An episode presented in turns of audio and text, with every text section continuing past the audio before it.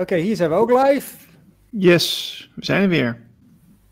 Nou, Gezellig. Even intro doen. Gewoon even, even in de stemming te komen. ja.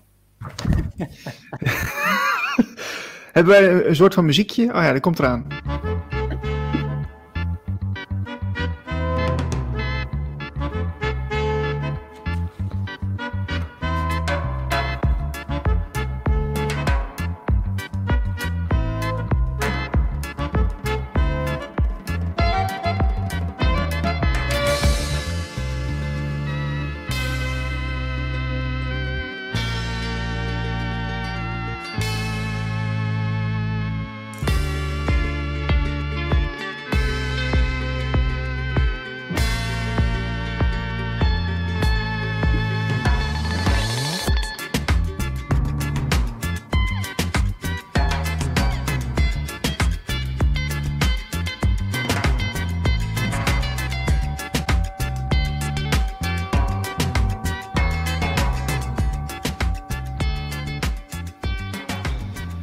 Leuk al die beelden vooraf, hè?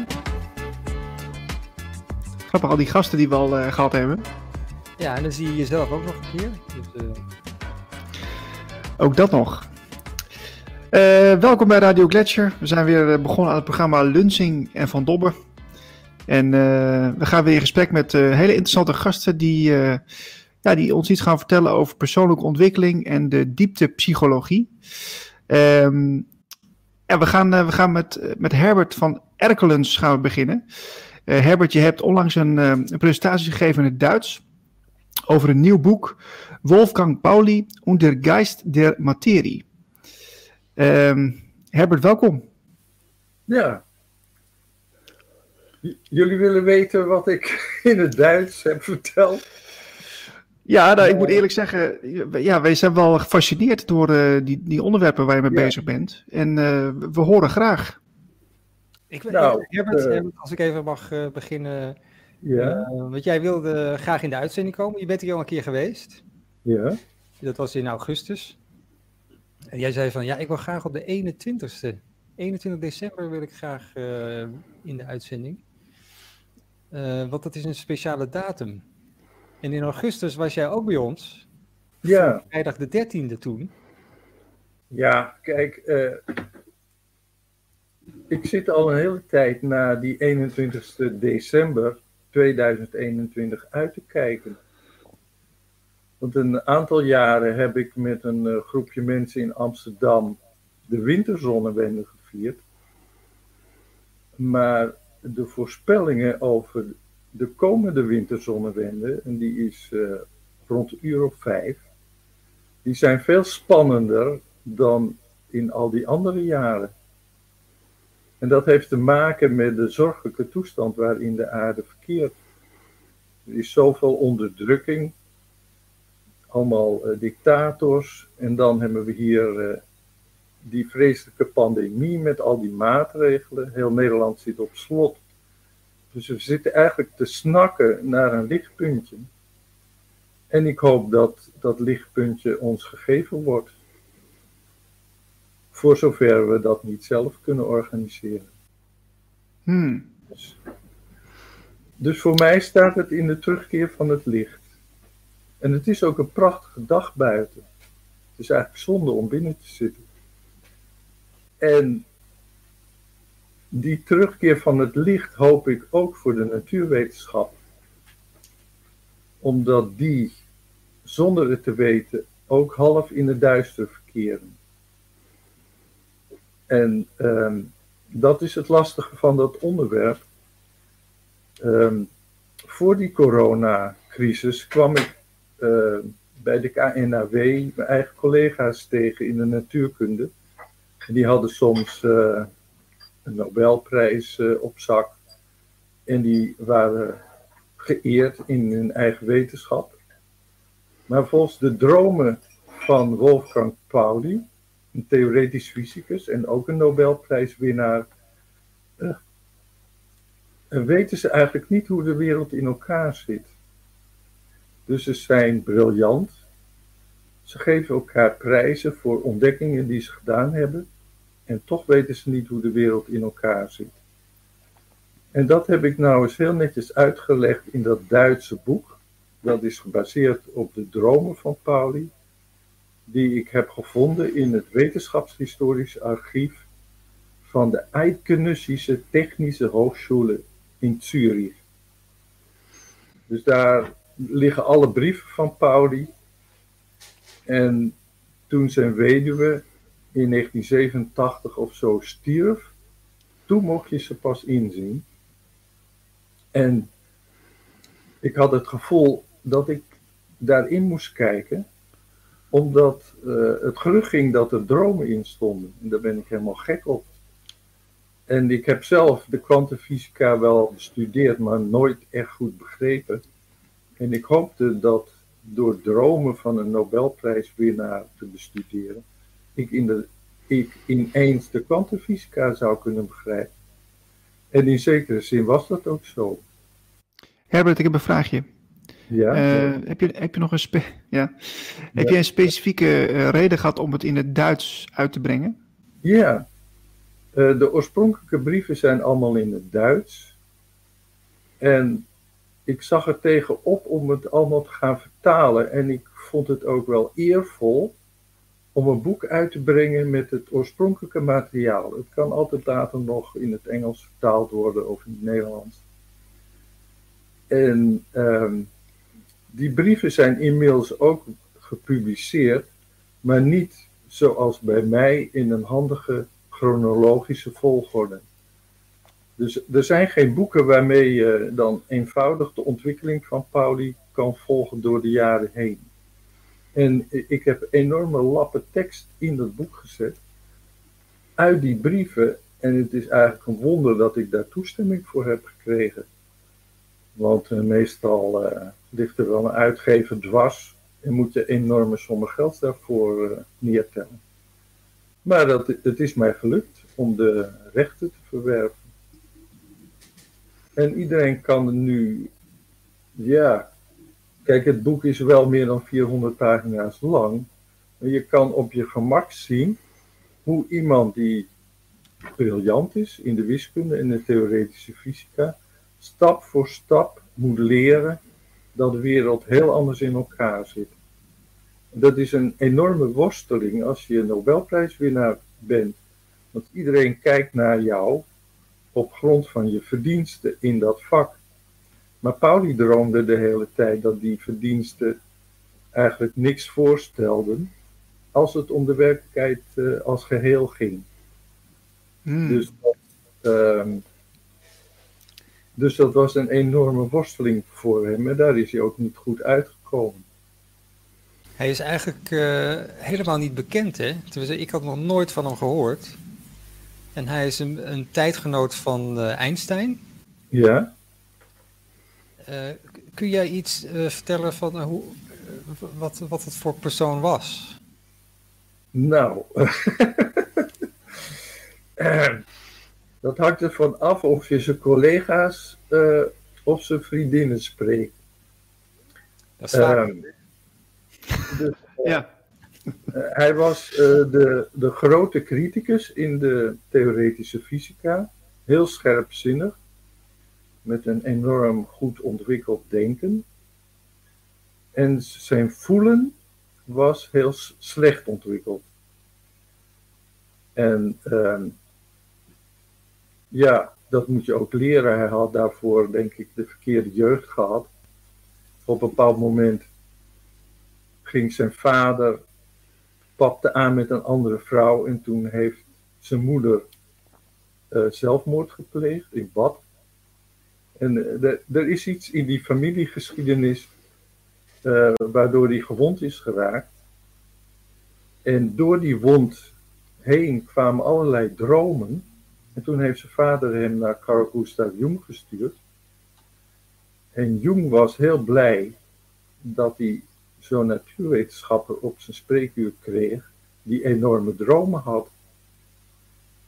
En uh, Jung heeft die man toen toegestuurd naar een andere therapeute, Erna Rosenbaum, in de hoop die dromen te pakken te krijgen zonder invloed van hemzelf. Maar later heeft hij toch die Pauli zelf in analyse genomen. En toen heeft die man werkelijk uh, prachtige alchemistische dromen en visioenen gehad. Een deel daarvan is gepubliceerd door Jung in 1944. Maar niet natuurlijk als de dromen van Pauli. Want daar zou die man enorm mee in de problemen hebben gebracht. Maar sommige collega's van hem wisten meteen dat het om Pauli ging.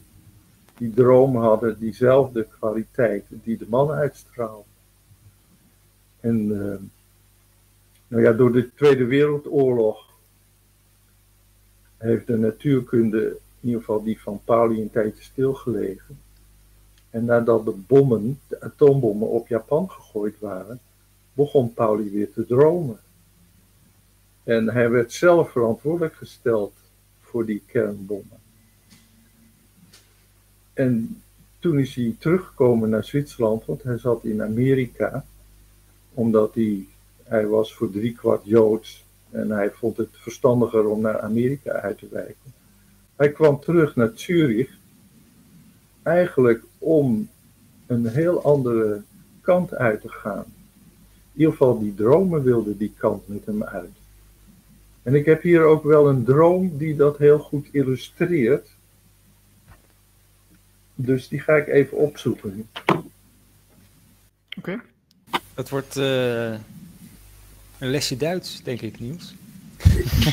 ja. Uh, in uh, prachtig Nederlands vertaald.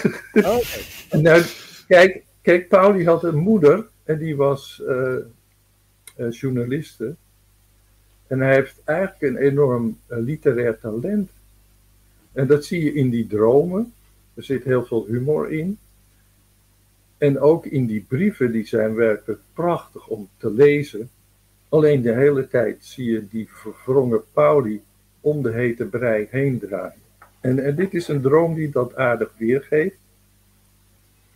Het is een droom uit december 1947. Toen was Pauli heel erg depressief. En hij droomde van een donkere man, een man uit Perzië die toegelaten wilde worden tot die Eidgenössische Technische Hochschule. Dat zal ik nu afkorten als ETH. Er ontspint zich een woordenwisseling waarin Pauli de vragen stelt. U wordt niet tot de studie toegelaten? Nee. Daarom studeer ik in het geheim. Het antwoord van de pers. Wat bestudeert u? Ik bestudeer u. Pauli, u spreekt op een zeer scherpe toon met mij. Hij, ik spreek als iemand aan wie verder alles verboden is. Pauli, bent u mijn schaduw? Hij, ik ben tussen u en het licht, dus bent u mijn schaduw, niet omgekeerd. Studeert u ook natuurkunde? Hij, daarin is uw taal mij te moeilijk, maar in mijn taal begrijpt u de natuurkunde niet. Wat doet u hier? Ik ben hier om u te helpen. U moet enige illusies opgeven. Bijvoorbeeld gelooft u dat u meerdere vrouwen heeft. In werkelijkheid hebt u er echter maar één. Dan gaat die droom nog een stukje verder. Maar in wezen is dit het hele probleem. Uh, hij heeft te maken met een gestalte in zijn dromen. Ik heb hier verschillende schilderijen, maar je, je moet je echt wel zoiets als dit voorstellen. Kijken of ik het uh, in beeld kan brengen. Het is net anders. In ieder geval een, iets wat. Een donker gestalte. Wat ineens op je afkomt en waardoor je hele werkelijkheid omvergeworpen wordt. Want die gestalte wil toegelaten worden tot de ETH, maar Pauli probeert hem tegen te komen, tegen te houden. En dan vraagt hij, bent u mijn schaduw? En die gestalte zegt, nee, u bent mijn schaduw. En die natuurkunde is voor die gestalte te moeilijk, maar zoals die pers de wereld begrijpt, in die taal begrijpt Pauli de natuurkunde niet. En dat is het probleem waarmee het begint. Maar dat komt uiteindelijk wel tot een oplossing. Maar het gekke is dat die oplossing zelden gepubliceerd is. Omdat Pauli vond die oplossing pas nadat hij een uh, dieptepsychologe had ontmoet, Marie-Louise von Frans. En met haar deelde hij zijn eigen wereld, want zij was op zoek naar de verbinding met wis en natuurkunde en hij zocht de verbinding met de dieptepsychologie. En onder haar invloed is hij stapsgewijze steeds dichter bij de oplossing gekomen.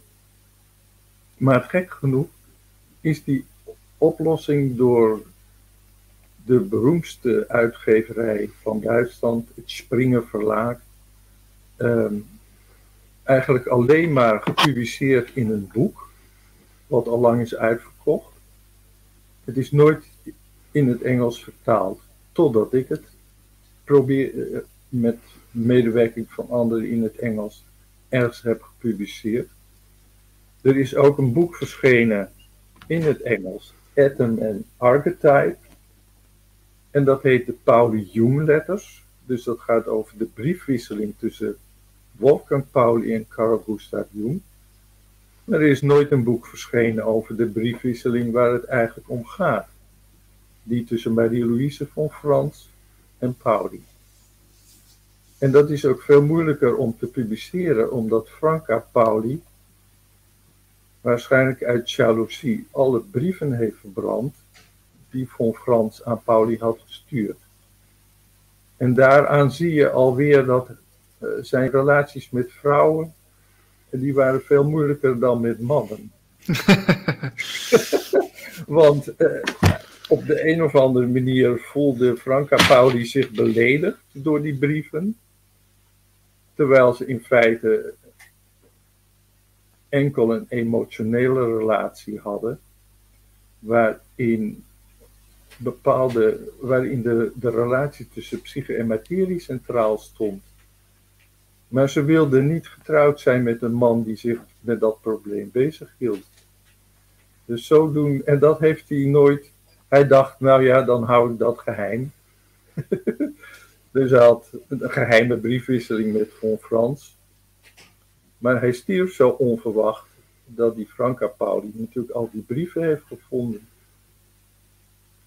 op zijn kamer in de ETH. En volgens de geruchten heeft ze heel wat verbrand. Hmm. En er waren ook brieven van Jung bij. Maar Jung had een secretaresse en die maakte van alles uh, kopieën met carbonpapier. Dus, dus zodoende hebben we nu wel de Pauli Jung briefwisseling, maar niet de Pauli van Frans. Nee. Maar in zijn boek komt het er toch dichtbij. Herbert, we zijn heel, uh, uh, ja, ja, wat zijn we eigenlijk? We zijn eigenlijk heel benieuwd naar uh, jouw Nederlandse presentatie. Want je hebt het ook in het Duits gedaan, maar dan ga je het vandaag ook voor ons doen, voor Radio Gletscher.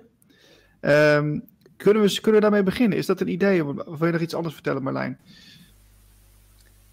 Nee, ik, wil, ik, ik, ga, ik ga niks vertellen. Nee. Ja, nee, precies. precies. Dus, ja, kijk, het is. Um het, is niet, geen eenvoudig onderwerp. Dat beginnen jullie natuurlijk wel te begrijpen. Uh, je moet iets weten van de toestand van de natuurkunde van dit moment. En ook van de toestand van de dieptepsychologie. Nou, de dieptepsychologie die gebruikt de taal van de alchemie.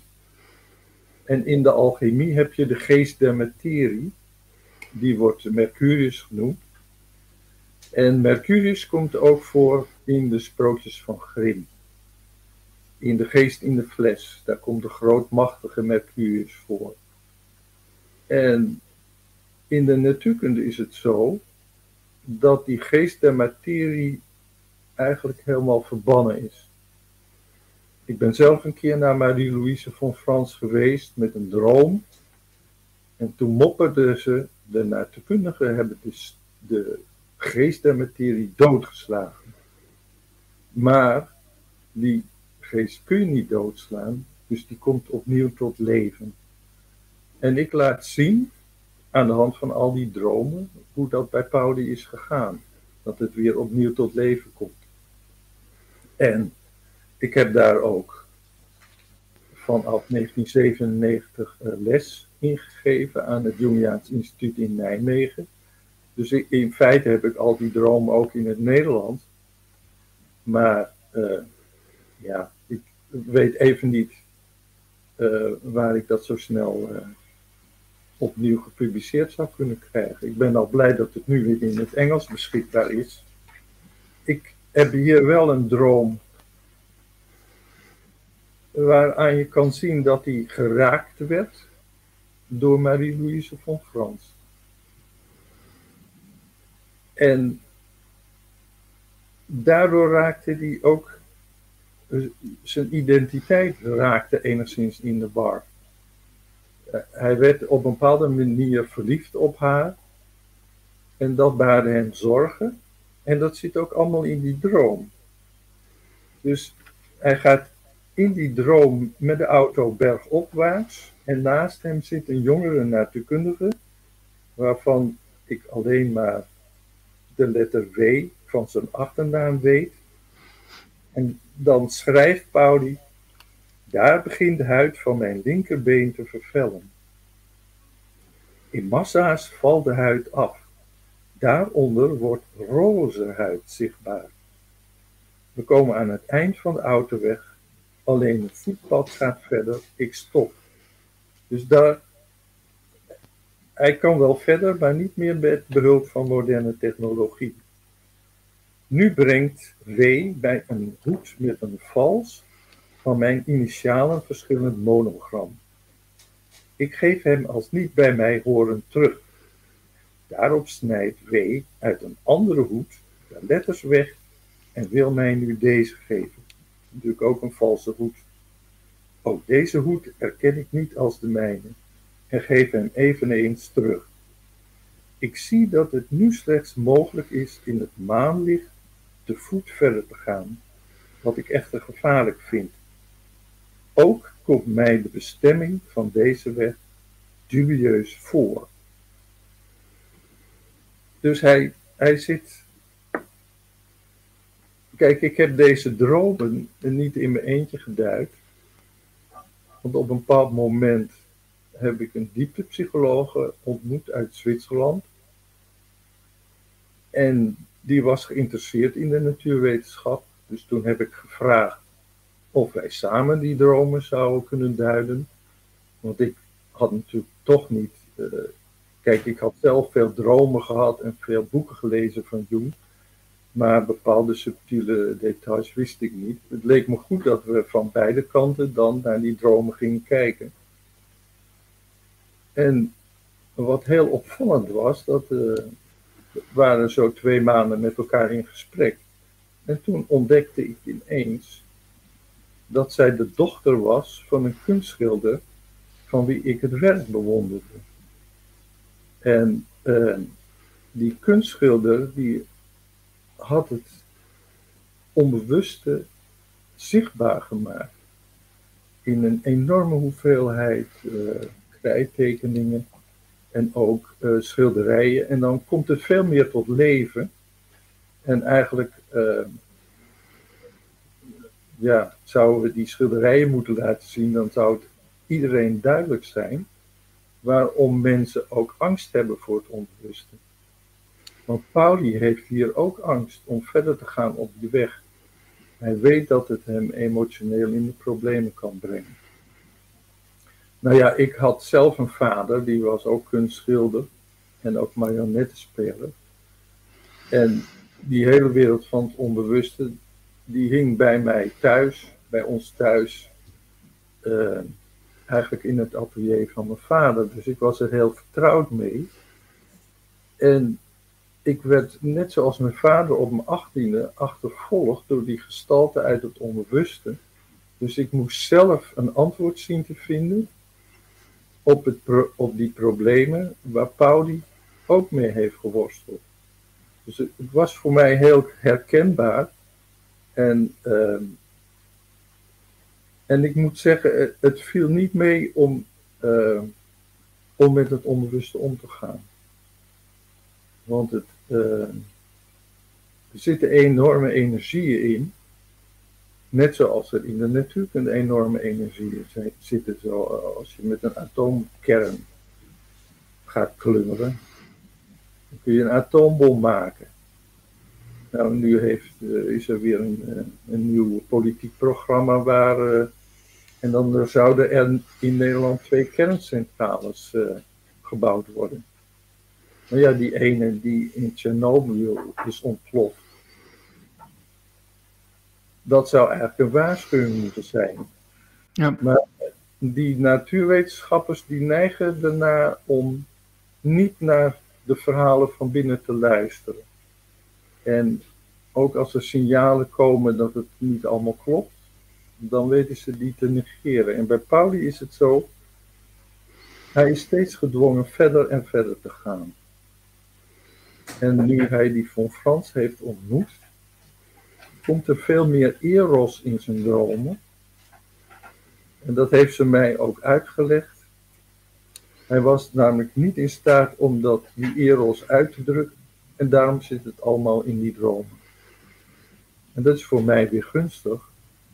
Want nu, nu zie ik de bril, uh, of nu zie ik de wereld uh, eigenlijk vanuit het vrouwelijke principe, wat heel dominant in die dromen aanwezig is. En dat vrouwelijke principe, dat is niet bekend in de huidige natuurwetenschap. Kun, kun je daar een voorbeeld van geven, hoe, hoe je dat ziet dan? Het vrouwelijke? Ja. Nou, het. Uh, kijk, als ik. Het, het zit eigenlijk zo, die, je hebt verschillende soorten natuurkunde. Dus je hebt een natuurkunde, zoals die tot voor kort in het voortgezet onderwijs werd onderwezen. En dat is een beetje ouderwetse natuurkunde en dan is alles gewoon materie, wat met, met zichzelf wisselwerkt. En er, nou, er zitten hele mooie, mooie vakken bij, zoals klassieke fysica. Maar de kwantumfysica die probeert echt tot de wereld van elementaire deeltjes en atomen door te dringen. En dat lukt niet goed, omdat het niet aanschouwelijk gemaakt kan worden.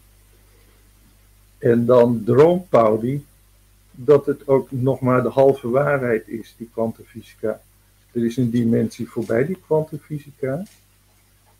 En die geeft de rest van het antwoord van hoe de wereld op dat materiële, of eigenlijk, kijk, Pauli droomt dat uh, er in, in essentie psyche en materie één zijn. En wij scheiden dat en dan krijgen we die twee helften alleen maar weer bij één als we in dialoog gaan, zoals Pauli dan doet, met een vrouwelijke personificatie van het onbewuste. En dat gaat dan ook door allerlei stadia heen. En uiteindelijk presenteert zich een Chinese dame aan hem. En dat is die ene vrouw waar het om gaat. Dus eerst had hij meerdere vrouwen en dan uiteindelijk gaat hij in dialoog met een Chinese dame die in een van zijn dromen is verschenen. En dat levert een een stuk van 22 pagina's op. En daarin wordt in feite uitgelegd hoe de wereld in elkaar zit. Dus ik had altijd goede hoop dat die Chinese dame nog eens een keer geschilderd zou worden en opgehangen in alle academische instituten over de hele wereld, maar zover is het nog niet. het, ja, kijk, dat, het gaat dan zo, hè. die Chinese dame zegt, ja, jullie hebben die wiskunde van jullie, maar daarmee kan je de wereld niet begrijpen, want de wereld is muziek. Nou, zo moeilijk is dat niet te volgen, vooral als je die wiskunde kent uh, in de, uit de natuurkunde, die is ongelooflijk ontoegankelijk voor leken. Uh, kijk, als je, als je daarin bent opgeleid, dan zie je de schoonheid ervan. Maar als dat nou de waarheid zou zijn, dan zou die dus eigenlijk voor bijna niemand toegankelijk zijn. en zo denken veel natuurkundigen er ook over. En die Chinese dame die doorbreekt dat. En die gaat Pauli dus uh, gevoel voor muziek bijbrengen. Dus op een bepaald moment verschijnt ze als een. Uh, staat ze. Ja, dat begint eigenlijk zo. Pauli die worstelt met die twee werelden die hij bij elkaar moet brengen. Dan gaat hij in een soort meditatie, in dialoog, om, het, om een oplossing uit het onbewuste te laten opstijgen. Dus hij houdt op om erover na te denken. En dan keert hij 40 jaar terug in de tijd en dan is hij weer in Wenen, een jongetje van 13. En dan staat hij in de kamer die hij zo goed kent. Er staat een piano, een vleugel. En tegen die vleugel leunde een dame met donkere haren, die als een oude, vertrouwde vriendin was. Zij was een zeer voorname dame en ik moest heel eerbiedig met haar spreken. Toen ik naar haar toe ging bij de piano, reikte ze mij de hand en zei: heb lang geen piano meer gespeeld. Ik wil je een pianoles geven. En dan beroert ze ook zijn hand. En hij kan een klein beetje piano spelen. Dat heeft hij vroeger geleerd. En heel langzamerhand komt hij dan dichter en dichter bij zijn gevoel. En ook bij de oplossing van de problematiek waar hij mee worstelt. En dan is het is eigenlijk een heel mysterieus stuk. Want er, vind, er vinden ook typisch. Uh, er zit, die geest, de materie, die is ook in dat stuk aanwezig. Die roept af en toe commando's, waar Pauli en die Chinese dame dan weer op reageren. En geleidelijk aan blijkt die Chinese dame eigenlijk degene te zijn die de schepping voortbrengt. En dat is een bijbels beeld. Ja, jij hebt ja, meteen een vraag. Ja. ja, ik zit even aandachtig te luisteren, want ik denk van oké, maar ehm, ja. begrijp, begrijp, ik het dan goed dat het, het um, dat het muzikale aan het vrouwelijke gekoppeld kan worden? Of hoe, hoe moet ik dat begrijpen? Ja, dat is hier het geval. Um, nou, dat is in die Zauberfleuten van Mozart ook zo. Dan heb je die koningin van de nacht, eh, die eigenlijk voor de dynamiek zorgt. En uh, de taal van de muziek staat veel dichter bij het vrouwelijke principe dan de taal van de wiskunde. Want uh, ja, vroeger uh, ging je naar de universiteit en dan zat je in zo'n collegezaal wiskundecolleges te volgen. Nou, als er 10% vrouwen in de zaal zaten, dan was dat al veel. Dus het, het zijn altijd tamelijk gescheiden werelden geweest. En, uh, en kijk, we hebben nu bijvoorbeeld ook een situatie. Kijk, de wereld is muziek. Daar komt het dan op neer. En dan uh, zegt die Chinese dame: Ik kan alleen piano spelen van jullie getallen, dus jullie wiskunde begrijp ik niets. Maar men zegt dat getallen de tonen volgen. Nu krijg ik enig vermoeden van wat jij mij over de censuur hebt uitgelegd. De censors willen de wereld zonder het pianospelen begrijpen. Dat is toch absurd. Nou ja, vroeger was ik een stuk jonger. dan ging ik met dat verhaal naar die natuurkundefaculteiten. En dan vertelde ik aan mijn collega's dat wat ze deden absurd was.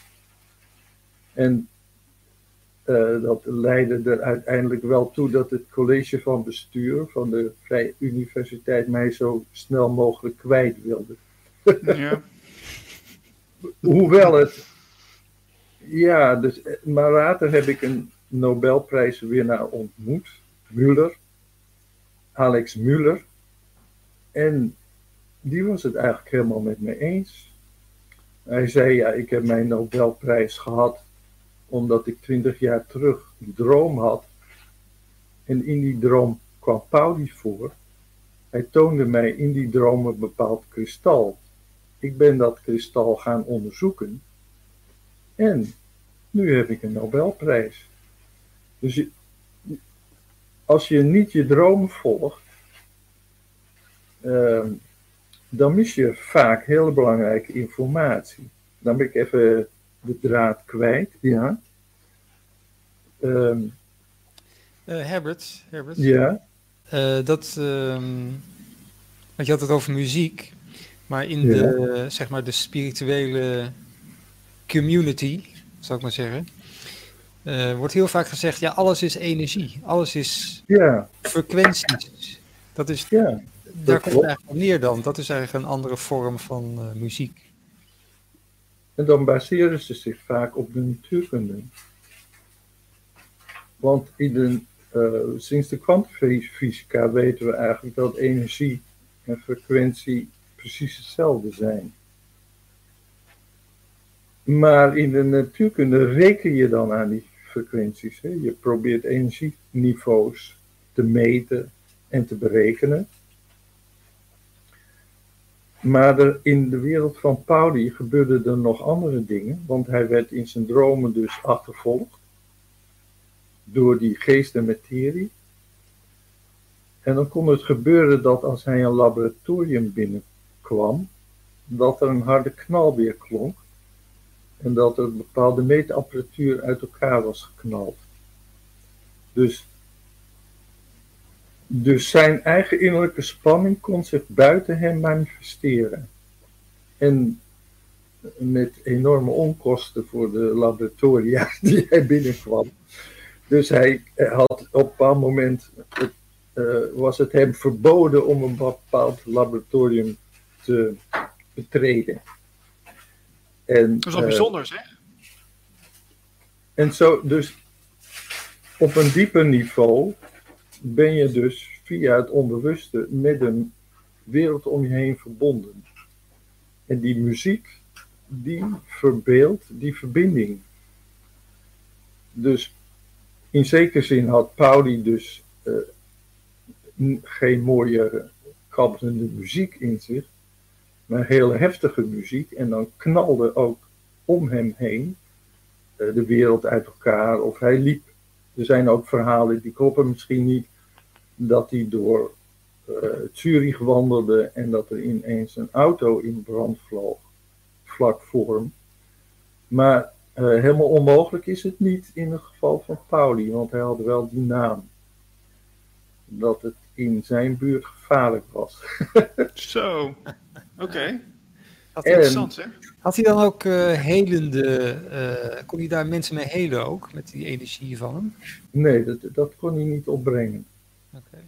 Dat was de opdracht in zijn dromen. Dus eh, in die dromen had je het symbool van radioactief afval of radioactieve materie. Dat was het gevaar. En hij moest als alchemist die, alchem- die radioactieve materie omzetten in een straling die liefdevol was. Alleen dat was nou net zijn zwakke punt. Dus ehm, Jung kon dat wel. En dat was een volleerd alchemist.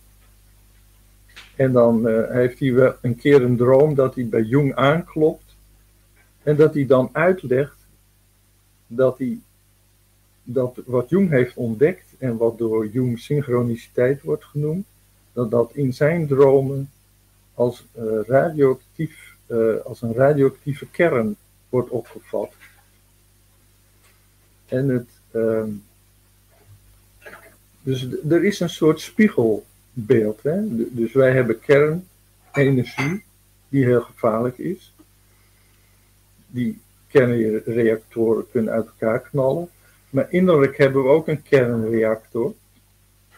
En wij kunnen, als we daar niet goed mee omgaan, dus onze omgeving beschadigen.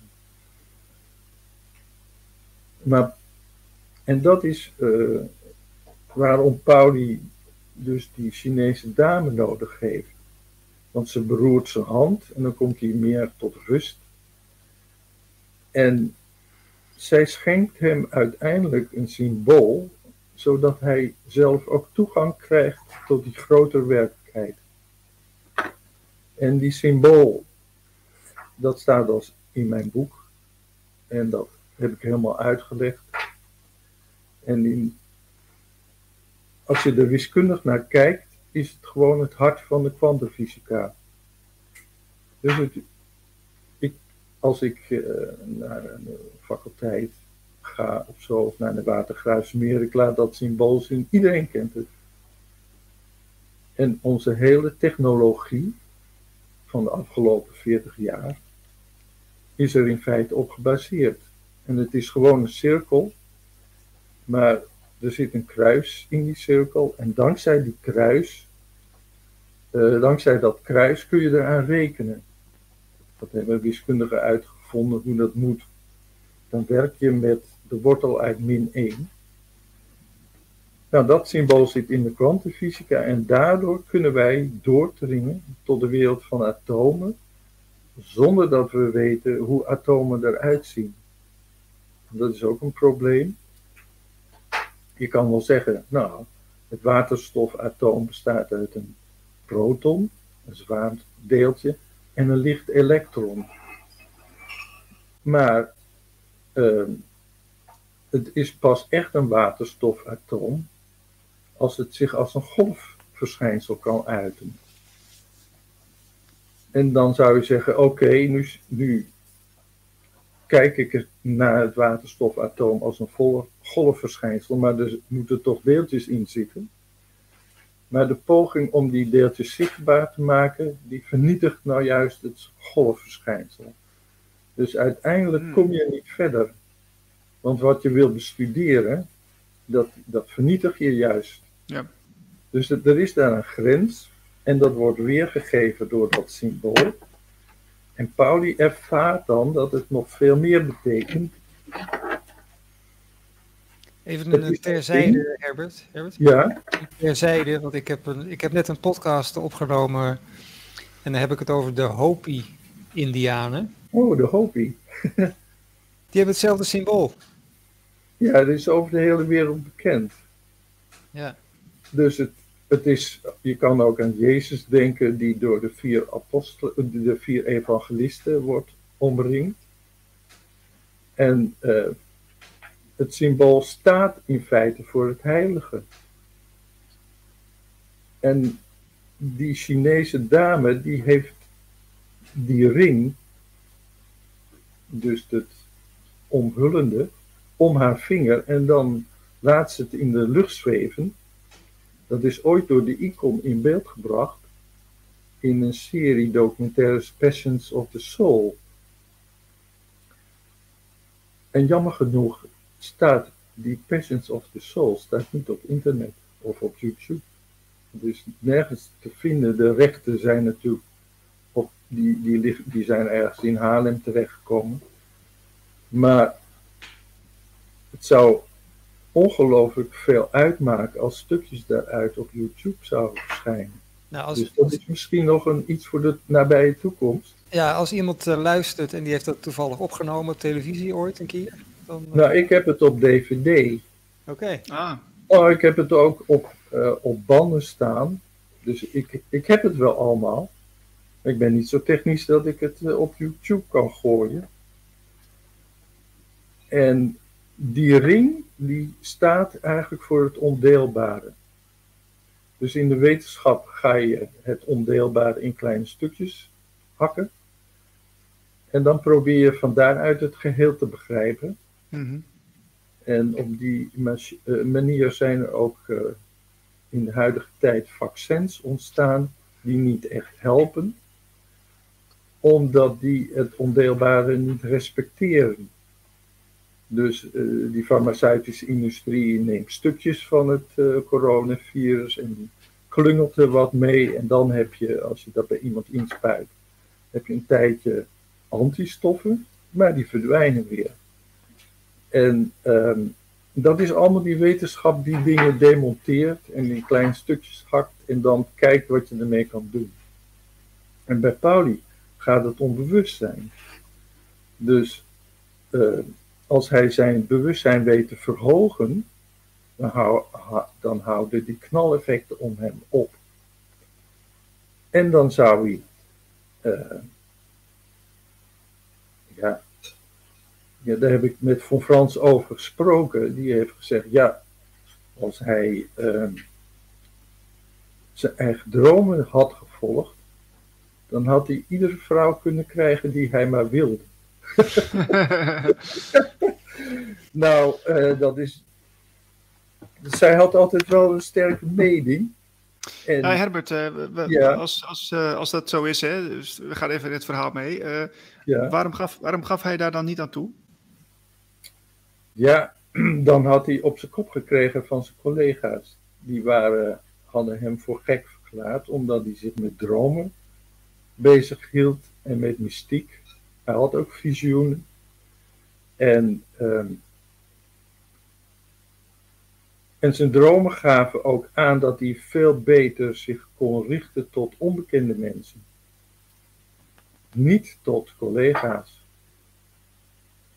Dus dan. Uh, die, Oké. Want die, als, je, als je dat vak niet hebt gestudeerd, dan heb je die investering niet gedaan. En dan, dan sta je gewoon open voor wat iemand vanuit zijn innerlijk vertelt. En dat had Pauli kunnen doen. En dan had hij.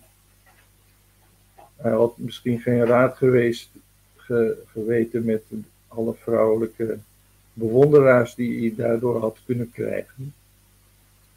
En nu had hij alleen uh, problematische relaties met vrouwen. Met een Franca die zijn erfenis wilde verbranden. Von Frans kon hem op een bepaald ogenblik ook niet meer verdragen. En uh, hij is een beetje het spoor helemaal bijster uh, geraakt. Omdat het ja, je, je, begrijpt het niet, want die man die heeft dus alles in handen om de wereld een stapje verder te brengen. Ja. Maar hij schrijft de hele tijd, ik weet niet wat ik moet doen. dus, um, dus, dus die, dat hele avontuur met die Chinese dame eindigt ook weer enigszins opvallend. Dus hij heeft die ring laten zien.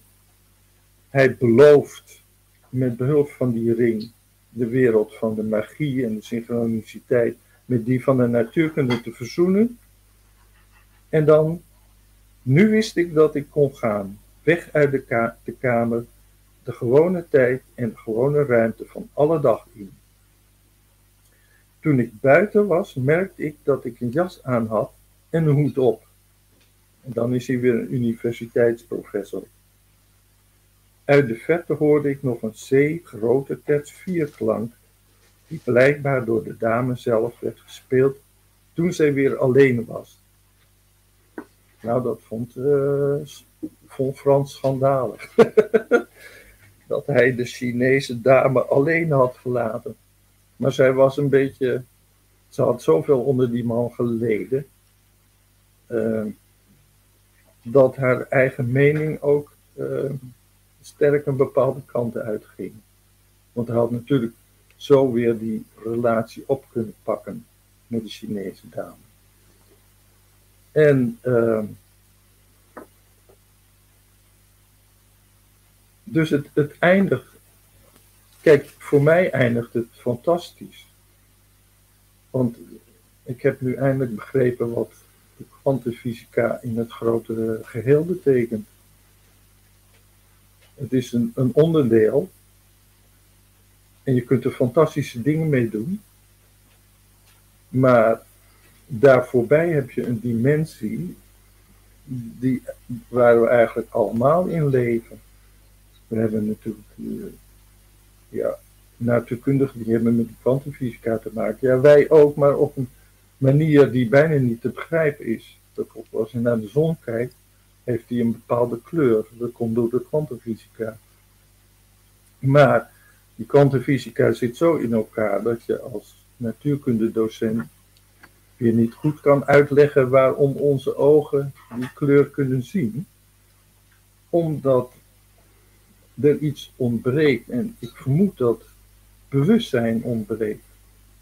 Hmm. Het is allemaal abstract. En dan zijn er allerlei raadselachtige dingen die met die kwantumfysica samenhangen. Ik, er zijn natuurkundigen die willen terugkeren naar die tijd. Dat, dat er zoiets was als een fysische werkelijkheid. En aan een van die mannen heb ik een keer die een paar dromen van Pauli toegestuurd. In de hoop dat hij dan geïnterviewd zou worden door de icon. Misschien heb ik dat de vorige keer al verteld. En het gekke was, die man die heeft die brief van mij gelezen. En vier dagen later was hij overleden. Oh. Dus alsof het, ik dacht, zal dat nou weer een Pauli-effect zijn? maar uh, er gebeuren dus dingen die hebben geen oorzaak, maar op de een of andere manier komen dingen bijeen precies op het juiste moment. Ik had die, die, die brief natuurlijk ook een maand eerder kunnen versturen, maar net die brief van mij met dat materiaal van Pauli kwam aan in de laatste week dat die man leefde.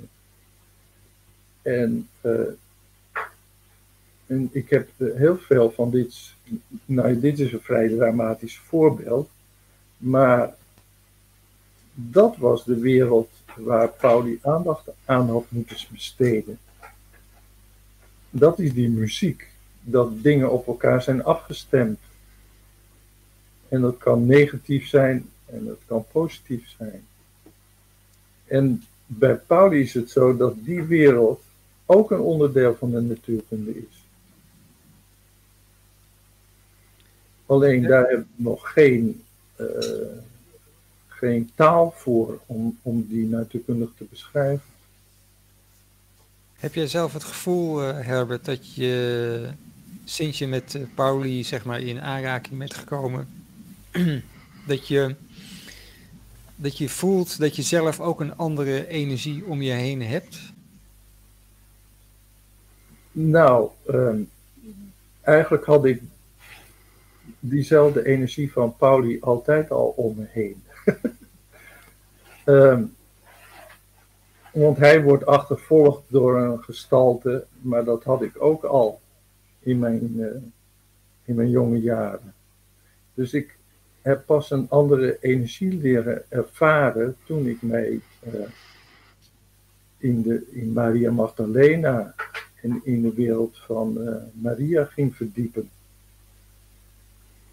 En dat is een wereld die net weer voorbij die van Pauli ligt. Want bij Pauli draait het allemaal om die geest der materie en die vergelijkt hij ook met de tovenaar Merlijn. En ik ben geneigd om die wereld Merlijn-bewustzijn te noemen. en um, dus dat is misschien het bewustzijn dat jij om je heen hebt.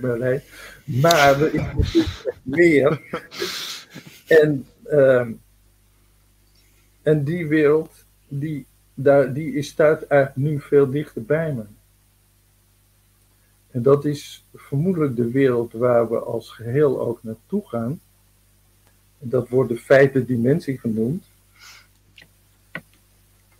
Alleen, we hebben nu te maken met een wereld die in, in frequentie helemaal uh, ontsteld is. Dus als je dit even aanneemt, de wereld is, is muziek. Welke muziek weer klinkt er dan op de wereld? Ja, niet zulke hele vrolijke momenteel. Nee, want ik bedoel, Ik heb nou een zoon die een tijdje in Wit-Rusland zit. Er zijn nu overal dictaturen. En door al die coronabeperkingen is het, is het leven niet meer herkenbaar. En toen ik dat boek schreef, uh, toen zag het er eigenlijk veel rooskleuriger uit. Dus ik. Uh... Maar zou je muziek niet. Uh, is muziek dan ook niet gewoon. Toch een dualistische ehm, uiting? Nee, dat denk of is het overstijgend? Nou, wat heeft het Songfestival ons geleerd? Ik heb nee, het gevoel dat mensen door muziek. Kijk, uh,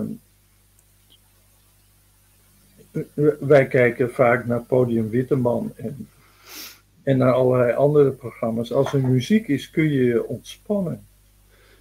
Of ja, het nou Songfestival is ook niet zo'n heel goed voorbeeld. Nee, maar het. Uh,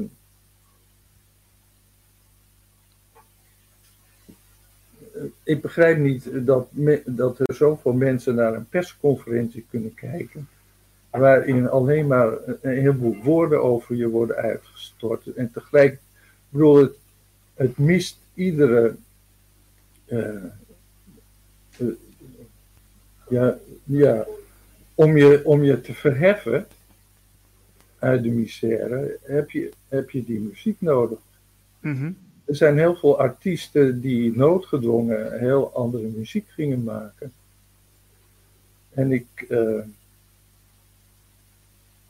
nu hebben we bijna die eh, winterzonnewende. Er zijn ook heel veel mediums die voorspellen dat er binnenkort veel meer licht naar de aarde gaat komen. En ik denk dat we dat eigenlijk wel nodig hebben. Ja. Ik weet je, je, hebt, je hebt ook gebeuren. Herbert, je hebt ook je hebt, uh, vrolijke muziek, je hebt ook een beetje bozige, opstandige muziek. Ja. Er zit wel verschil in.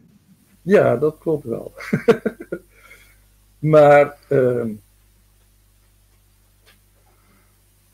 het is toch het medium waarin je jezelf het beste leert kennen.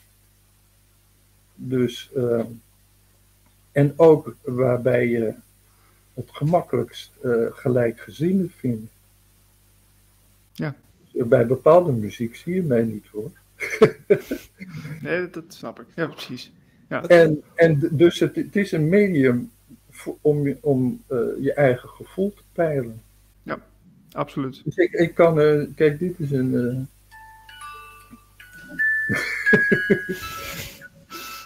Dit is de bekende. Kijk, het kerstrepertoire.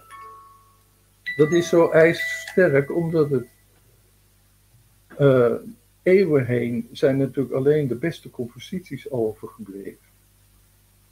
En uh, kijk, ik, hoop. Kijk, op mijn boek staat ook nog een afbeelding van Peter Bierkhuizen. En daar zie je de, de wereld als een donkere bol. En, uh, maar er is wel een licht wat tevoorschijn komt uh, achter die donkere bol. Oh ja. Dus, uh, zo is er niet veel van te zien, maar dat komt straks allemaal in orde. En dat is het, uh, het opkomen van een nieuw bewustzijn. Dat gaat ons helpen.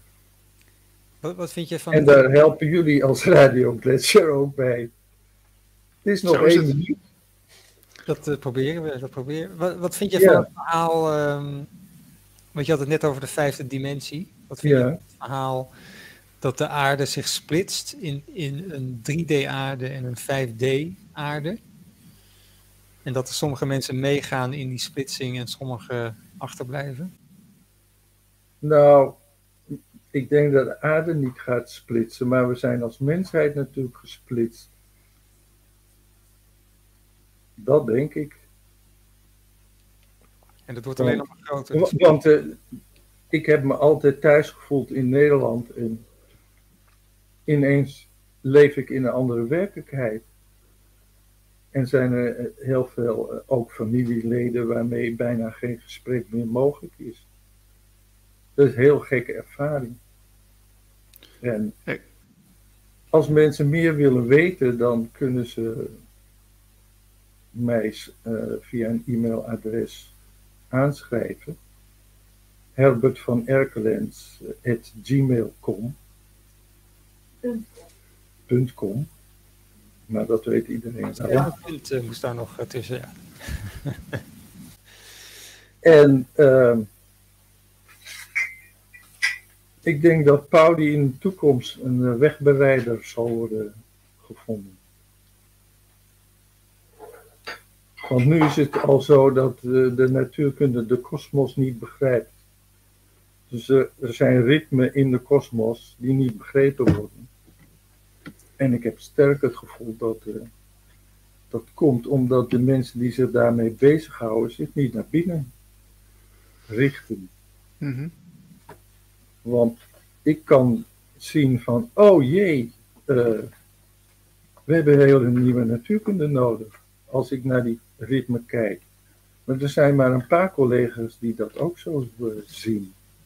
Dus ook daar is een soort bewustzijnsvernauwing om het allemaal maar in één bepaald paradigma te proppen. Ja. ja. En dat gaat niet meer lukken. En uh, dus wie weet, maak ik het nog mee dat er uh, een doorbraak komt. Ja. En dan ja. uh, moeten die eerst maar eens dit Duits leren en dit want kijk, het gaat wel om Nobelprijswinnaar en je kan op, op goede gedachten komen als je het allemaal tot je door laat dringen. Ja, nou, ik denk dat het voor, dat voor heel veel mensen geldt hoor. Dat, uh, dat, we eigenlijk zitten te wachten op een bepaalde doorbraak. Uh, dat, we, dat we eigenlijk uh, beter in staat zullen zijn om het grotere plaatje te zien. Om, om beter te begrijpen wat, wat, wat deze matrix, wat deze wereld eigenlijk is. Ja. Maar goed, dus ja. het feit dat we in zo'n wereld leven, komt ook door een natuurwetenschap die een beperkte kijk op de zaak heeft. En de, en de, de politiek volgt dan weer die natuurwetenschap. En, uh, en via Pauli en natuurlijk ook uit innerlijke ervaringen weet ik dit is maar een halve waarheid. Dus ik, dat die vaccins niet werken, begrijp ik wel, want die respecteren niet wat leven in feite is of wat bewustzijn is. En toch wordt daar alles dan weer aan opgehangen. Ik denk dat er in de medische zorg veel meer besef is van, uh, van wat zorg en mededogen en bewustzijn kan betekenen voor mensen. Dus wie weet kunnen we die pandemie, uh, ik denk zelf dat die uh, volgend jaar wel uh, in kracht zal afnemen. Maar alleen als wij zelf weer meer bewustzijn gaan ontwikkelen over de dingen. Het is bijna niet te geloven. Ik lees het dagblad Trouw en, en de meeste columnisten, eh, eh, die, die praten allemaal in één richting. En af en toe is een ingezonden brief en dan komt er een ander geluid. Maar dat een krant gewoon zegt, nou dit gaan we uitdiepen. Nou, ze zijn zelf ook nog gevangen in die, uh, in die matrix. Ken je deze al, uh, Herbert? Ja, die ken ik wel. Ja, maar dat is een idiote wereld. Dat is die, dan, dan eh, is het debat dus afgelopen. Mm. Er zijn gewoon twee werkelijkheden ontstaan. Ja. Maar die ene die bepaalt wel of ik wel of niet naar de kapper kan. ja, precies. Dus, en dat is maar een kleinigheidje, terwijl andere mensen ineens uh, niet weten wat ze met hun kerstoplage uh, moeten doen. Ik vind het heel raar. De Herbert, hoe... weinig, ja, we, we, moeten stoppen, denk ik. Nou, dat, ik, ja? ik, ik, wil nog wel even door hoor, maar uh, hoe kunnen mensen jouw boek uh, bestellen? Ja, gewoon door mij uh, via e-mail eh, een berichtje te sturen. Ik heb ook een website www.herbertvanerklens.nl En ook via die website kun je mij bereiken. Maar je kunt het boek niet bestellen via die webshop. Ehm, want ik moet hem. Ik wil eerst een tien bestellingen hebben of zo. En dan, dan haal ik ze uit Duitsland. En dan ga ik ze hier in Nederland rondsturen. Want anders, Oké. eh, anders moet ik eh, misschien per boek wel 12 euro eh neertellen. Dus zo gaat het. En ehm, ik ben heel benieuwd of de tijd van Pauli nu eindelijk is aangebroken. En dan hoop ik een keer dat corona voorbij is en dat ik mijn collega's bij de KNAW weer tref met een drankje. En dan, kijk, Nederland was zo'n prettig land, want ik heb helemaal geen functie in de natuurkunde. Ik kon gewoon naar de KNW gaan en dan sprak ik, kon ik als ik wilde Robert Dijkgraaf spreken.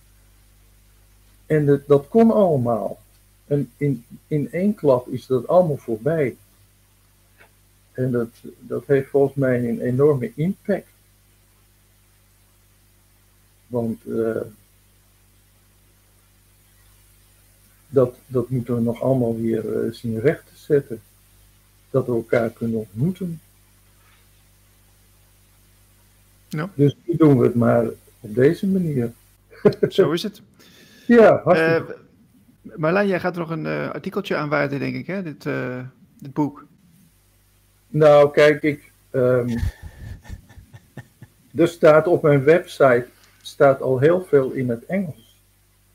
Die hele pianoles heb ik, staat daar in het Engels. En, ehm, kijk, de, de moeilijkheid is dat we alweer zoveel jaar verder zijn. Dus Jung en Von Frans die leven in een bepaalde wereld, terwijl wij alweer toegang hebben tot de, de wereld daar voorbij. Dus dat noemen we dan even die vijfde dimensie. Mhm. En, eh, en het, kost mij altijd moeite om het allemaal met elkaar te verbinden. Maar eh, ik denk dat we gewoon naar een wereld gaan waarbij we gewoon zelf kunnen kiezen op welk frequentieniveau we gaan instappen. Maar het is ook lastig, hè? Ik bedoel, ehm, als je het over 3D of 4D of 5D hebt. Kijk, eh 5D is iets wat we eigenlijk eh, nog niet belichamen. Dus ehm, om het dan onder woorden te brengen is het natuurlijk best wel, ja, best wel lastig. Ja, nou, ik ben gehecht aan definities en ik vond een keer een definitie van 5D. Ehm, dit is de dimensie van onvoorwaardelijke liefde, mededogen en goddelijke synchroniciteit. Nou, dat, dan denk ik, aha, daar zit Pauli niet. Ah, Maar hij heeft wel dat stuk goddelijke synchroniciteit neergezet via die pianoles. En het is onze taak om dat dan te verbinden met liefde en mededogen. En dat is op zich helemaal niet zo'n eh, moeilijke klus. Een, een stuk eenvoudiger dan een stuk aan de natuurkunde breien. Want wij zijn in feite dit al. Terwijl, daar hoef je niet voor gestudeerd te hebben. En die synchroniciteit is om ons heen.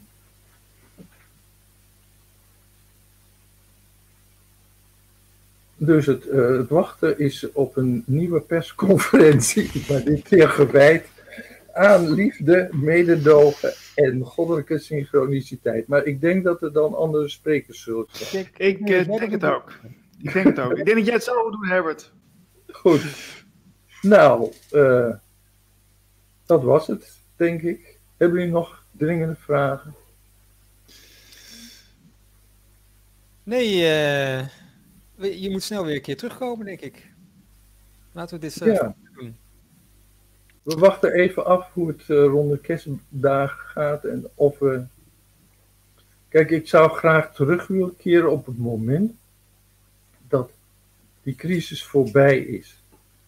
Of ik weet niet op welke manier, maar dat, er, dat we niet meer geplaagd worden door maatregelen die van bovenaf worden, worden verkondigd. Mm Doordat er vertrouwen is ontstaan om het op een bepaalde manier aan te pakken, waardoor het ook als probleem weer veel meer van de agenda wegraakt. Is toch idioot? Uh, stel je nou voor dat je, ik heb de jaren 60 meegemaakt. en dat is mijn jeugd. En nu is het zo, uh, die jeugd, die, die, er is al twee jaar afgepakt van de jeugd. Dus uh, gelukkig zijn mijn kleinkinderen nog jong. Die merken dat niet. Maar er is zo'n hele generatie, ook als je op school zit, die worden heel hard getroffen. Hmm. Ben, je, bezig met een uh, Nederlandse vertaling al of niet? Nou, uh, kijk, die Nederlandse vertaling is al in 1995 verschenen en dus al lang uitverkocht. Dus dat is.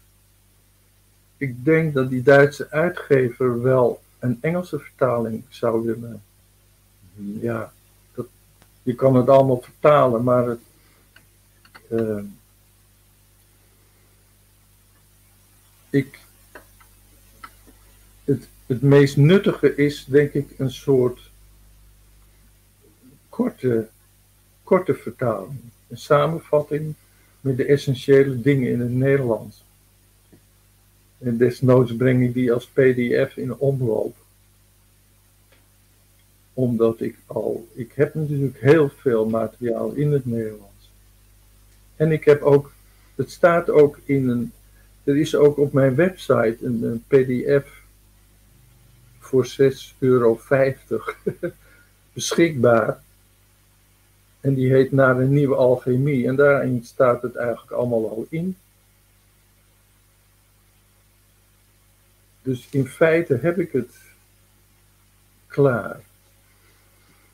Want beter dan uh, in die PDF kan ik toch niet uitleggen. Alleen, ik heb zelf het gevoel, er is nog veel meer. Maar dat kan ik dan niet meer uitleggen aan de hand van Pauli, Doen of van Frans. Nee.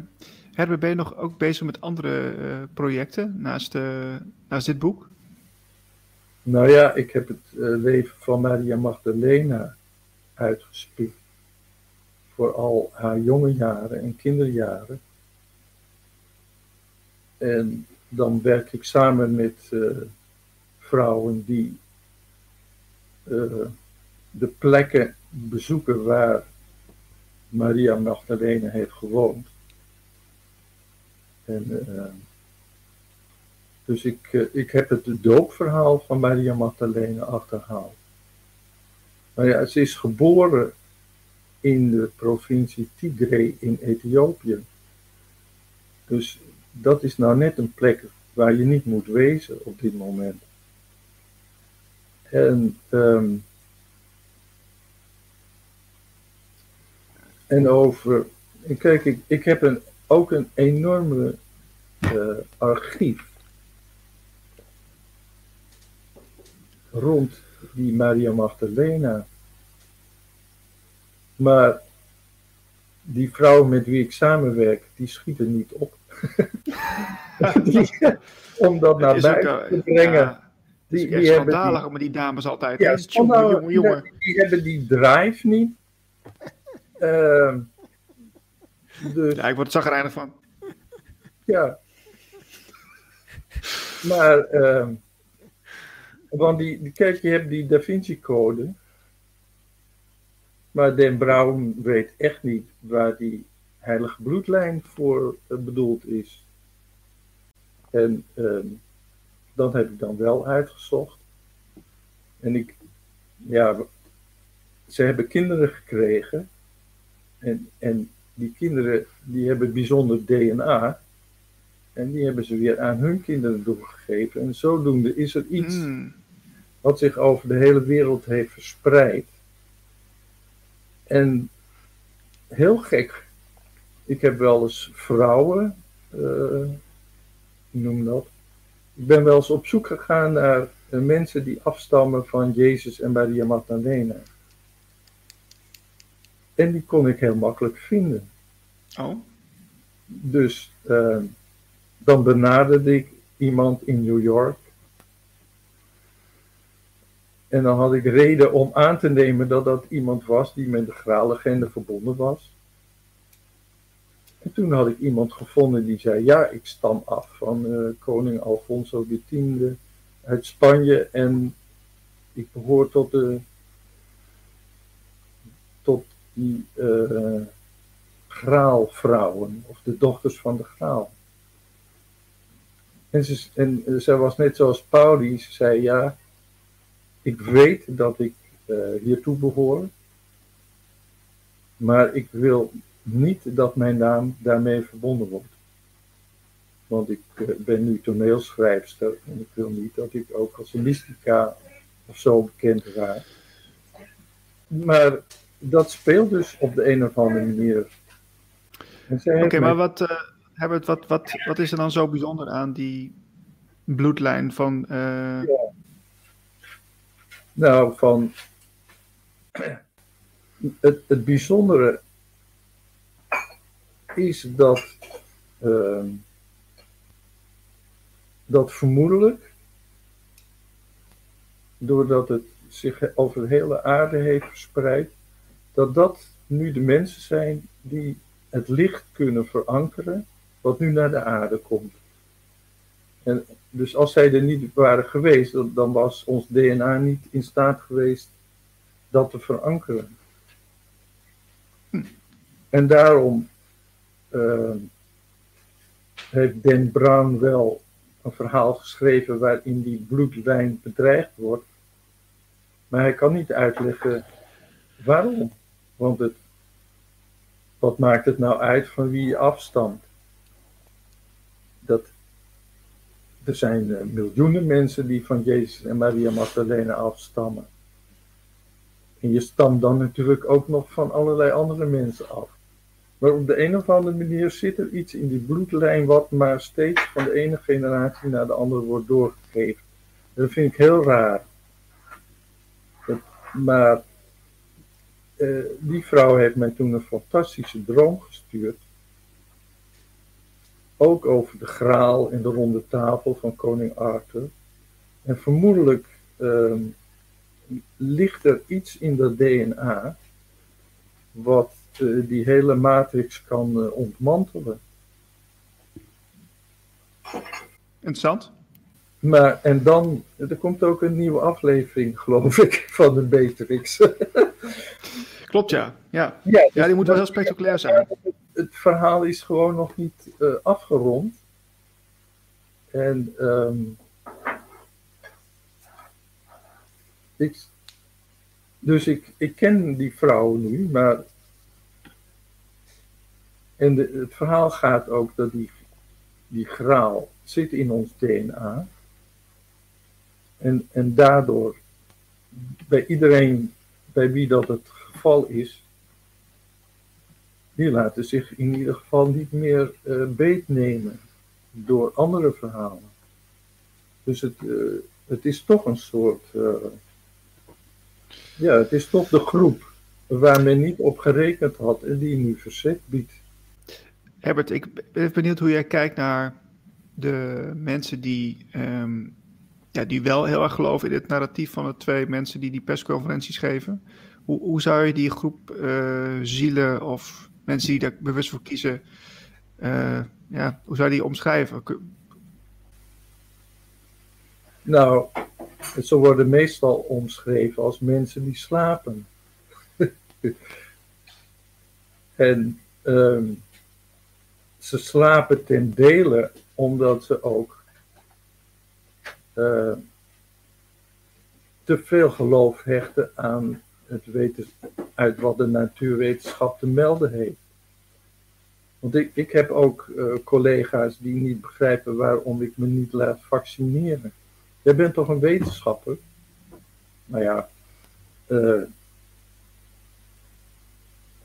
ik heb, dacht ik, ook de vrijheid om te doen met mijn lichaam wat ik wil. En ik vertrouw gewoon de farmaceutische industrie niet, ook al niet, omdat dat een onderdeel is van een ontzettend machtig complex. Ik begrijp ook niet waarom mensen vertrouwen hebben in kernenergie na alle rampen die er gebeurd zijn. Dus het, daar is heel veel documentatie over. Er zijn uh, Amerikaanse soldaten blootgesteld aan atoomproeven om te kijken wat er dan gebeurt. Nou ja, die mensen zijn natuurlijk beschadigd. Dus je, je moet de wetenschap niet vertrouwen, zolang de wetenschap niet ingebed is in een basis die wel vertrouwen zou kunnen schenken. Even, want hier had het, ik, ik kan het toch niet laten. Nee. Uh, want we hier hadden we het vorige week over namelijk. Ken jij uh, de theorie over Tartarië? Arcadië. Ta Tartarië. Oh. Dan moet je er iets meer over zeggen. Nou, het idee is dat er een hele hoge beschaving is geweest en die is toen uh, eigenlijk uit de geschiedenisboeken gehaald. Dus dat is uh, ja. 19e eeuw gebeurd ongeveer. En die hadden vrije energie en uh, konden dat gewoon gebruiken en alles. En die zijn gewoon ja, door middel van een soort reset ook zijn die ja, uit de geschiedenis geschreven. Nou,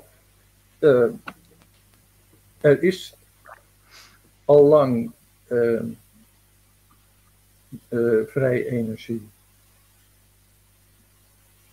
Maar die mensen worden dus ook uh, uit de publieke belangstelling gehouden. Het is toch idioot dat we een energiecrisis hebben. De, natuur kan die, de natuurkunde kan die energiecrisis oplossen via het magneetveld. Want daar zit een enorme hoeveelheid energie in. En soms eh, spreek je ook mensen uh, uit het veld van beleid aan. En die weten dat die ontdekkingen al zijn gedaan. Maar, uh, maar dan komen de plannen van de regering of er wordt nooit gepraat over de oplossing die er al is.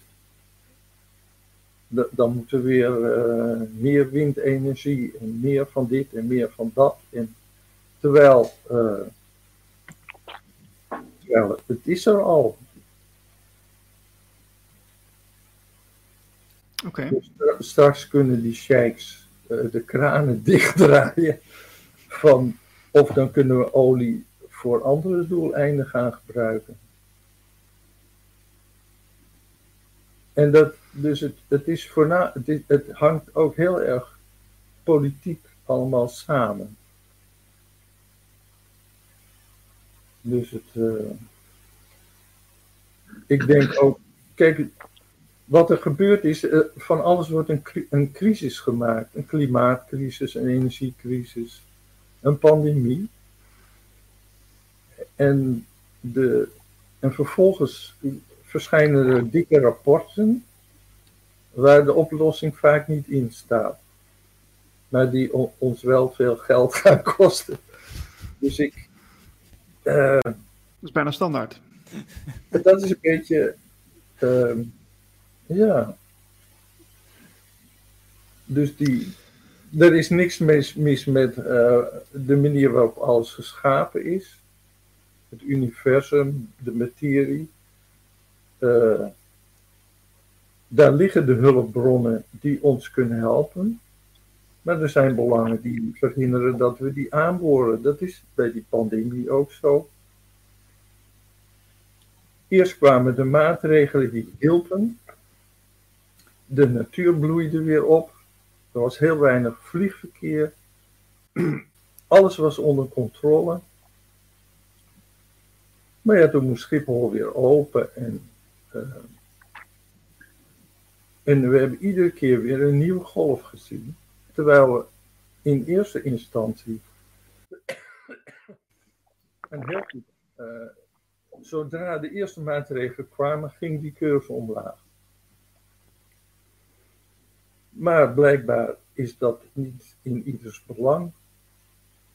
Dat begrijp ik ook wel. Je, je kan Schiphol. Uh, ja. Je kunt. Ik bedoel, welke afwegingen worden gemaakt?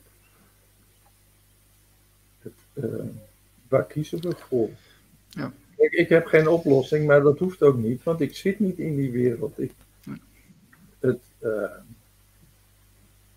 maar ik weet wel dat er op, op allerlei fronten oplossingen voorhanden zijn, die nu ondersneeuwen in allerlei dikke rapporten. En, Herbert. Dus ik kijk, ideaal gesproken komt er gewoon een verbinding tussen wetenschap en die andere kant, die met bewustzijn te maken heeft.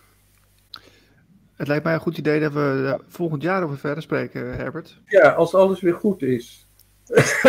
Na de pandemie dan uh, gaan we weer verder. Ja, we nog, uh... verder. Ik ga wat uh, eten, ik. Helemaal goed. Of even lekker de zon in. Nu is het fantastisch weer. Nou, ik vond het. Uh, kijk, dit was even een uitdagend onderwerp. Dus. Dit hebben Zo we is het. gemaakt met ons allen. We willen je heel erg danken, Herbert. En uh, graag tot de volgende keer. Ja. Ik zie en wij gaan, verder met, okay. wij gaan verder met onze volgende gast. Oké. Okay. Oké, okay, toch. Hoi, hoi. hoi. We zien uh, Wiebe Bakker, uh, die is aangeschoven. Wiebe, welkom. Dankjewel. Goedemiddag. Goedemiddag. Leuk. Ja. Ja. Ja, je bent bij Radio Gletscher. We zijn al een tijdje bezig, uh, sinds 12 uur. En ja, we hebben je een beetje onder de loep genomen natuurlijk online, want je bent met heel van alles bezig. Mm -hmm. je bent aanjager, je bent verbinder, je bent trainer en je bent coach. En je bent bezig met de betekeniseconomie. Klopt inderdaad. Wat, Ja. wat vind jij van Pauli, uh, Wiebe? Wat zei je? Wat vind jij van Wolfgang Pauli? Ooit, van gehoord? Ja, dat is toch die. Uh, is dat niet die muzikant of niet? Of is dat uh, Wolfgang Pauli? Nee. Nee, bijna goed. Bijna goed. Nee, het is een tijdgenoot van Einstein. Die, nou ja, dat oh ja. ja, ik denk dat die naam die komt me bekend voor. Oké, okay, tijdgenoot van Einstein. Kun je er iets meer over vertellen? Ik weet niet wie het is precies. Nou ja, daar hadden we het de afgelopen anderhalf uur over. Dus, oh, daar ging het anderhalf uur. Oké, okay. oh wat leuk. Oké. Okay. Ja. ja. ik heb het laatste stukje eventjes meegeluisterd inderdaad over uh, energie en uh, ja. Ja, boeiende tijden wat dat betreft. Dus genoeg interessante sprekers denk ik voor jullie in de, de show wat dat betreft. Uh. Nou, ja, absoluut. Wat zei je? Voor, voor jou misschien ook wel. Ja, bij, bij, jullie in de show. Ja, ja, dat geloof ik wel. Ja. Ja. Ja. Dus, um, uh, ja, de betekeniseconomie. Ja, daar ben ik veel mee bezig, inderdaad. Dus, um, uh, daar heb ik een aantal podcasts ook aan gewijd, inderdaad. En, um, uh, ja, ik ben, ik, ik weet niet of jullie Kees Klomp ook kennen. dat is inmiddels ja, het rectoraat. Ja. ja, die ken je. Ja, ja. ja. Dus um, ja, waar, waar, zal ik beginnen? Ik kan iets vertellen natuurlijk, maar. Nou, ik dacht misschien is het wel, wel handig dat je uh, voor de mensen die nu luisteren en kijken, dat je even uitlegt van uh, wat, wat is eigenlijk de betekeniseconomie? Ja, nou, de betekeniseconomie. Um, ja, je kunt het eigenlijk zoals, de, de, zoals Kees Klomp van het lectoraat betekeniseconomie noemt, het is een existentiële economie. En het gaat over dat we uh, echt een totaal nieuw economisch paradigma nodig hebben om om te gaan met de uitdagingen die we nu op ons afkrijgen. En wat is de betekenis-economie? Die, die, die richt zich eigenlijk in het meten of het goed gaat met de economie. Niet alleen op welvaart, dus op economische groei, op, op bruto nationaal product. Maar die kijkt ook naar, naar indicatoren als geluk of welzijn, welzijn van de aarde, welzijn van dierenwelzijn, maar welzijn van mensen ook natuurlijk vooral. Uh, um, en ook welbevinden. Dus in hoeverre um, voelen mensen dat, dat het leven zin geeft of is er vervulling. en dat je al die indicatoren mee laat wegen in te bepalen of het goed gaat met een economie. Terwijl we nu eigenlijk best wel kijken naar ehm, ja, hoe, hoe gaat het met de economische groei? Hoe gaat het met consumentenvertrouwen? En aan daarvan meten we af of het goed gaat met de economie. Dus dat is al een, eh, een heel groot verschil. Um, waarbij je ook nog eens kijkt naar uh, wat ligt er aan ten grondslag aan, het, uh, aan onze huidige economie. Nou, dat is een mensbeeld van de Homo economicus. En de Homo economicus, dat is uh, een rationeel wezen, die altijd goed en fout tegen elkaar afweegt, die altijd voor eigen gewin gaat. Die, nou ja, daar, daar is eigenlijk onze economie op gebaseerd.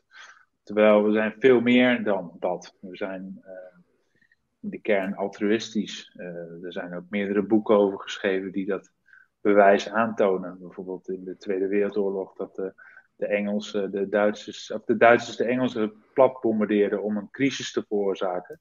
Dat juist in die, midden in die bombardementen die Engelsen met elkaar gingen, gingen samenwerken en, uh, en, juist uh, voedsel gingen delen en noem maar op. En, er zijn heel veel voorbeelden. Rutger Bregman heeft ook een prachtig boek over geschreven, De meeste mensen deugen, waarin een heel ander mensbeeld eigenlijk wordt, uh, wordt laten zien.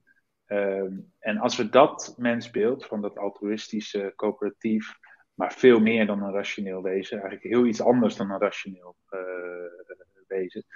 Als we dat nou als uitgangspunt nemen van die nieuwe economie en we laten ook andere indicatoren meewegen om te bepalen of het goed gaat, ja, dan krijg je een totaal ander wereldbeeld. ja, je, je, je je coacht ook mensen hè, uh, in sessies om, om daar uh, meer in bedreven te raken.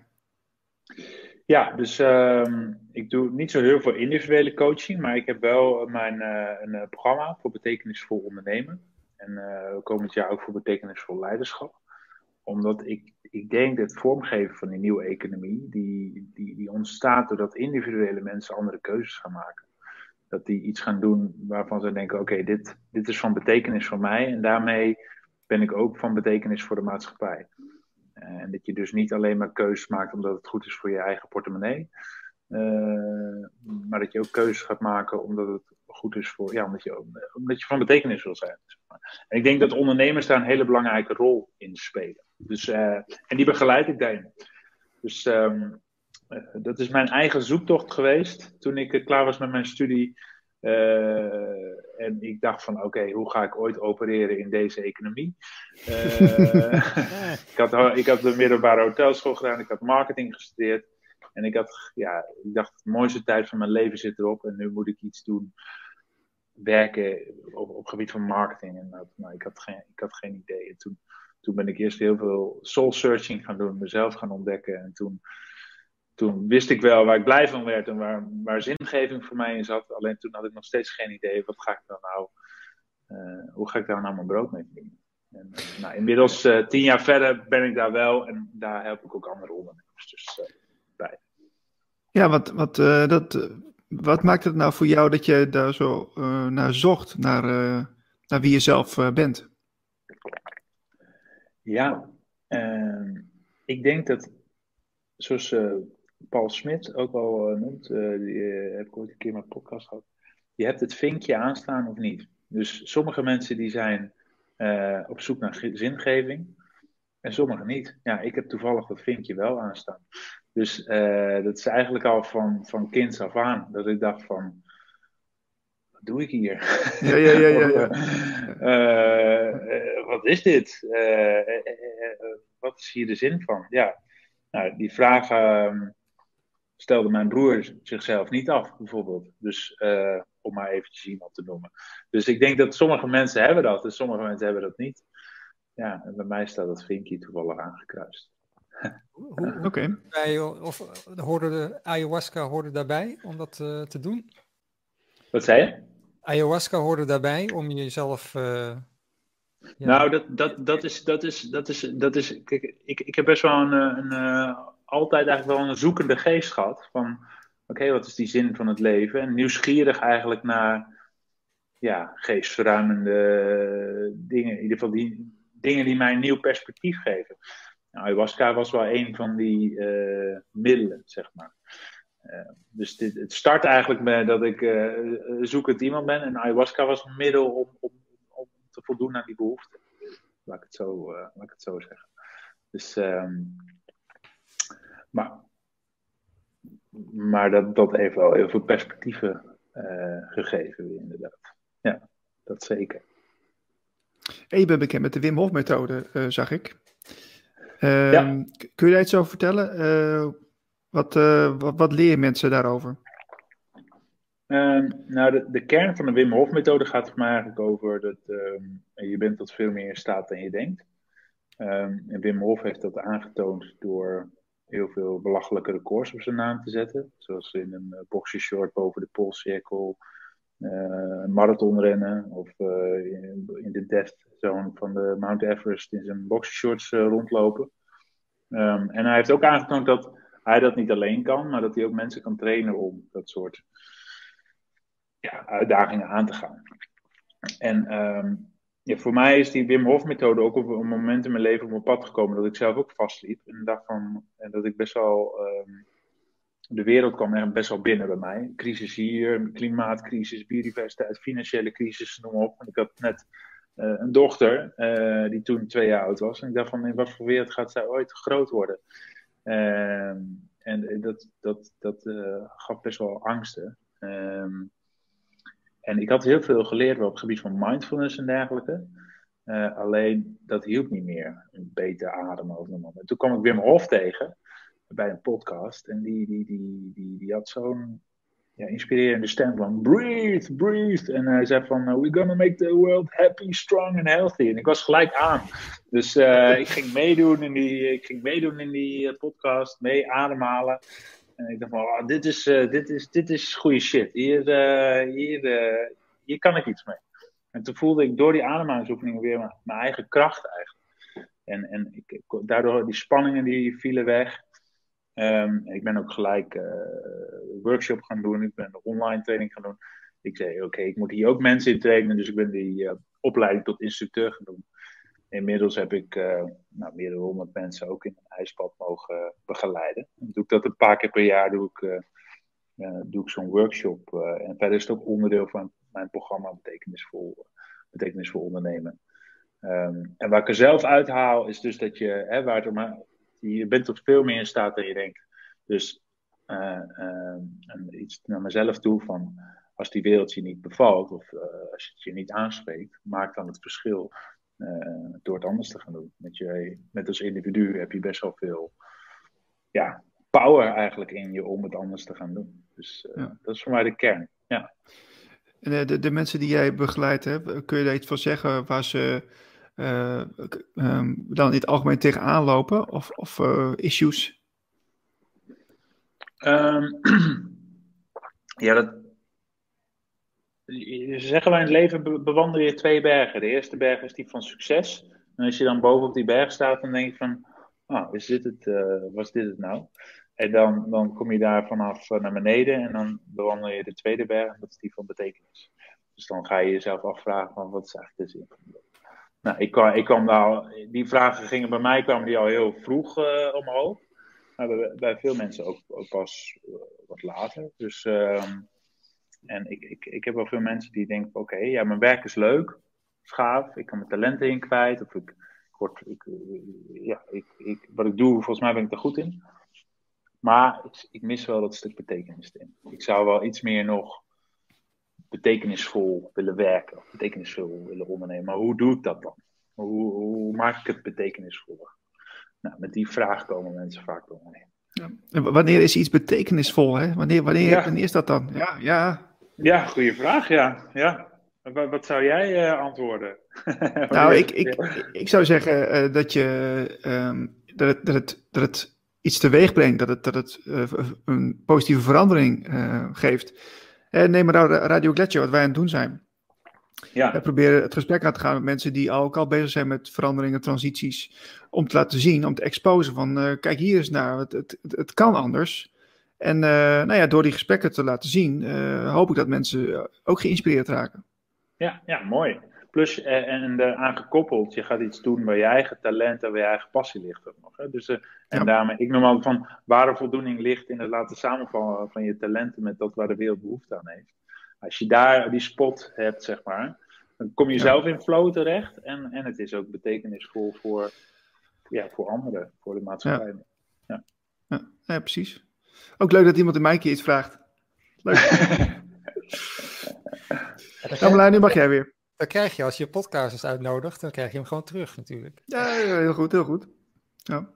Ja, ja, ja, ja, Wat is de bedoeling uh, van de podcast van toekomstdenkers? Uh, want, je, want er is wel een soort uh, upgrade geweest ook. Je bent op YouTube gegaan, er is nieuwe apparatuur. Uh, ja. En alles.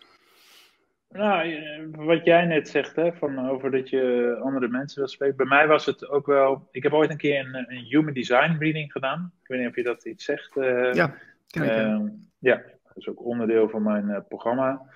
Um, en eh, dan ga je aan de hand van geboortegegevens, uh, krijg je een soort van blauwdruk van hoe je in elkaar zit. En dat kan heel uitgebreid, kan ook iets vertellen over je missie en noem maar op. Um, en um, ik heb dat ooit een keer bij een oudere man gedaan, Arjen Amsten heet hij, en die, nou, die, is 85 volgens mij toen hij mij die reading gaf, dus die zou inmiddels wel in de 90 uh, zijn. Maar dat was een gesprek van vier uur, waarin hij mij alles heeft verteld over mij. En, uh, en, een, en, een, van de dingen die hij uh, zei van, van jij bent hier ook om, om mensen te helpen naar, in de transitie naar iets nieuws. en dat kwam al meerdere keren was dat op mijn pad gekomen. Die, dat, dat, dat en, maar hij zei het nog een keer. Toen dacht ja, oké, volgens mij moet ik dit ook serieus doen. En ook van, hij noemde toen ook altijd van, ja, je mag mensen ook wijzen op, op, op andere ideeën, andere dingen. Dus dat je zegt van, oh kijk hier eens naar, of luister eens naar deze man. Of, dus dat is me ook altijd bijgebleven. Um, en toen kwam coronatijd en toen dacht ik van ja, toen iedereen kwam thuis zitten en dan ga je jezelf vragen, wat wil je nou echt? En dan van ja, ik wil gewoon met die transitie bezig zijn naar het nieuwe, nieuwe wat het nieuwe ook mogen zijn. Nou, het is aanjagen van die betekenis-economie, maar dus ook met mensen in gesprek gaan die anders kijken, mensen die anders denken. Uh, en, die, uh, en die eens laten vertellen. En daar is uh, mensen op wijzen. Luister eens naar, naar deze persoon. Om, eens op een andere manier te kijken. Um, en um, ja, vind ik gewoon hartstikke leuk. Dat herkennen jullie misschien ook wel. Dat je gewoon uh, met mensen kan uitnodigen die je graag wil, uh, wil spreken. Um, en die, die je zelf interessant vindt. ja, wie, wie, heeft jou, wie heeft jou nou heel erg verrast? Dat iemand zei van, dat je dacht van wow, ja, inderdaad. Nou, ik vond. Nou, ik vond Kees Klomp vond ik wel een. Uh, want Kees Klomp is, nou, is toch best wel veel gevraagde spreker. En wordt wel door veel mensen aan zijn jasje getrokken. En, maar heel benaderbaar. Dus ik, ik kreeg hem gelijk in de, in de podcast. trouwens, hetzelfde geldt voor Paul Smit. Die, die appte ik en ik had binnen één minuut een, eh, appje terug. Zo wel leuk. Dus, uh, dus ja, dat vond ik gewoon mensen die wel gewoon veel gevraagd worden en dan, dan zo reageren op een toegankelijke manier. Dat, dat vond ik wel prettig. En bij Kees bedoel ook van, ja, zo ja, ook je geraaktheid kunnen laten zien in de podcast. Dat vond ik ook wel bijzonder. Om, eh, het, ging best wel, het ging best wel diep toen eigenlijk. Dus minder over allerlei modellen en noem maar op, maar meer zijn eigen persoonlijke verhaal over de transitie waar we in zitten. Dus dat, dat heeft me wel verrast. Ja. ja ik denk dat, het ook wel, dat we dat ook wel meer mogen laten zien. Dat we ook, uh, ja, ook wel best wel emotioneel kunnen zijn in deze tijd. Ik bedoel, het is, het is, ik vind het ook best een ingewikkelde tijd om, om altijd maar ja, uh, door te gaan en, en, en uh, positief te blijven, want dat lukt ook niet altijd. En dat je dan, uh, ja, ook gewoon wel mindere momenten hebt. Denk je van, jongen, jongen, we zitten eigenlijk in een, rare, rare periode die... Ik, ik, kijk, um, je kunt altijd wel periodes af, afkijken van, van vorige tijden, vroegere tijden, maar dit is wel, een, dit is wel iets heel specifieks wat we niet, niet kunnen vergelijken volgens mij. Nee, de, de, ik weet niet of je uh, Philip Blom kent, een historicus. Uh, hij is ook wel bij Wouter van Noord uh, in de podcast geweest. Hij noemt het van Jan Rotmans, transitie, hoogleraar transitiekunde, die heeft het over verandering van tijdperk, een periode van 150 jaar die we afsluiten historicus Philip Blom heeft het over dat we een periode van 3000 jaar afsluiten. Ik heb zelf ook een gesprek gehad met, uh, met die, Xander van der Zijde en hebben het daar ook over gehad. Dus over, eigenlijk 2500 jaar geleden was de opkomst van het monotheïsme. Uh, dus dat we zijn gaan geloven in één God, hè? dus op mhm. meerdere plekken op aarde. Um, maar voor die tijd was er nog veel meer dat je meerdere goden had ook. Um, en waren we, werkten we ook veel meer met de natuur samen. Werkten we mhm. veel meer met het heelal en de kosmos uh, samen. En dat is eigenlijk verloren gegaan. Uh, en, en, en, en dat komt nu uh, terug. Dus, die, dus ik geloof ook dat die transitie nu groter is dan even naar een vierde industriële tijdperk. ja, zeker. Het is, het is omvattender dan dat. Ehm, en, en, en, ja, er zijn meerdere theorieën die daar ook wel op, op, op, op, naar verwijzen eigenlijk ook. Dus, en, en ik vind ook van Kees Kom, vind ik ook mooi, de, die heeft het over de existentiële crisis. Dus dat er zoveel crisissen tegelijkertijd zijn. Uh, ja, volgens mij jullie vorige gast die zei van moet je het crisissen noemen. Oké, ik noem het wel, uh, ik noem het crisissen. De klimaatcrisis, biodiversiteit, financiële crisis, uh, individuele crisis, zingevingscrisis. Dus er is een heleboel gaande. En dat is eigenlijk omdat dit verhaal gewoon niet meer verder kan. Dus het is een soort van vastlopen van, van ons huidige verhaal. Ja. ja. En, en, en, dus dan kun je positief naar kijken. Ja. precies. We kunnen, we kunnen gewoon ons eigen script gaan, schrijven. Gaan schrijven. Hoe, hoe gaaf is dat? Zeker, ja. En, of, en, of we, nou, volgen weer, ja. of we volgen weer een script wat ons voorgeschreven wordt. Nou, maar dat is denk ik het cruciale punt waar we nu uh, zitten in de geschiedenis. Hè? Dus zijn er genoeg mensen die erop gaan staan en uh, uh, vanuit een soort van innerlijk weten, vanuit een, stuk eigenaarschap, Ehm, het verschil gaan maken in de, in de wereld. En eh, kijk, dat verhaal moeten we gezamenlijk vormgeven. Maar dan moeten wel genoeg mensen ook dat verhaal gaan vormgeven. Um, er wordt wel gezegd dat hè, om, om, een systeem te laten kantelen, heb je 25% van de bevolking nodig om, het echt te laten kantelen. Uh, misschien in Nederland zijn we al aardig op weg. Als je wereldwijd kijkt, dan is er nog ook wel een weg te gaan. Ja, dus er is eigenlijk een dus soort tipping point komt er ergens waarin het cruciaal wordt wat, wat er nu gaat gebeuren. Ja, ja. Ook omdat je, hè, uh, want die vijf, die koplopers, die gaan nieuwe systemen creëren, die gaan nieuwe ontdekkingen doen, die gaan nieuwe wegen bewandelen. En op een gegeven moment dan denkt de massa van, hey, wacht eens even, dat is veel makkelijker eigenlijk hoe zij het uh, doen. Dus dan volgt de massa gewoon daarin in, in, in mee. Ja. Uh, maar dan moeten er wel genoeg mensen zijn die die weg klaarmaken. Ja. ja. En, en ik, denk dat de, ik denk dat deze, dit decennia van cruciaal daarin is, uh, zal zijn. Dat vind ik toch wel moeilijk uh, voor te stellen hoor, die, die massa die dan gewoon meegaat. Want die hebben, want het, gaat, het gaat om bewustzijnsverruiming of verhoging. Ja. ja. En als je, als je maar gewoon meehobbelt in een nieuw systeem, ja, wat, wat, wat zegt dat over je bewustzijn dan? Nou, ik, maar die, die, die gaan op een gegeven moment ook dat uh, yoga wordt een steeds normale woord, zeg maar. Dus die gaan ook yoga, omdat dat dan erbij hoort. Of die gaan ook uh, geen vlees meer eten. Of die gaan ook. Uh, dus het is niet gezegd dat zij niet meegaan in dat bewustzijnsniveau. Alleen zij volgen eigenlijk gewoon de, het, het dominante verhaal. Ik denk dat het zo zou gaan.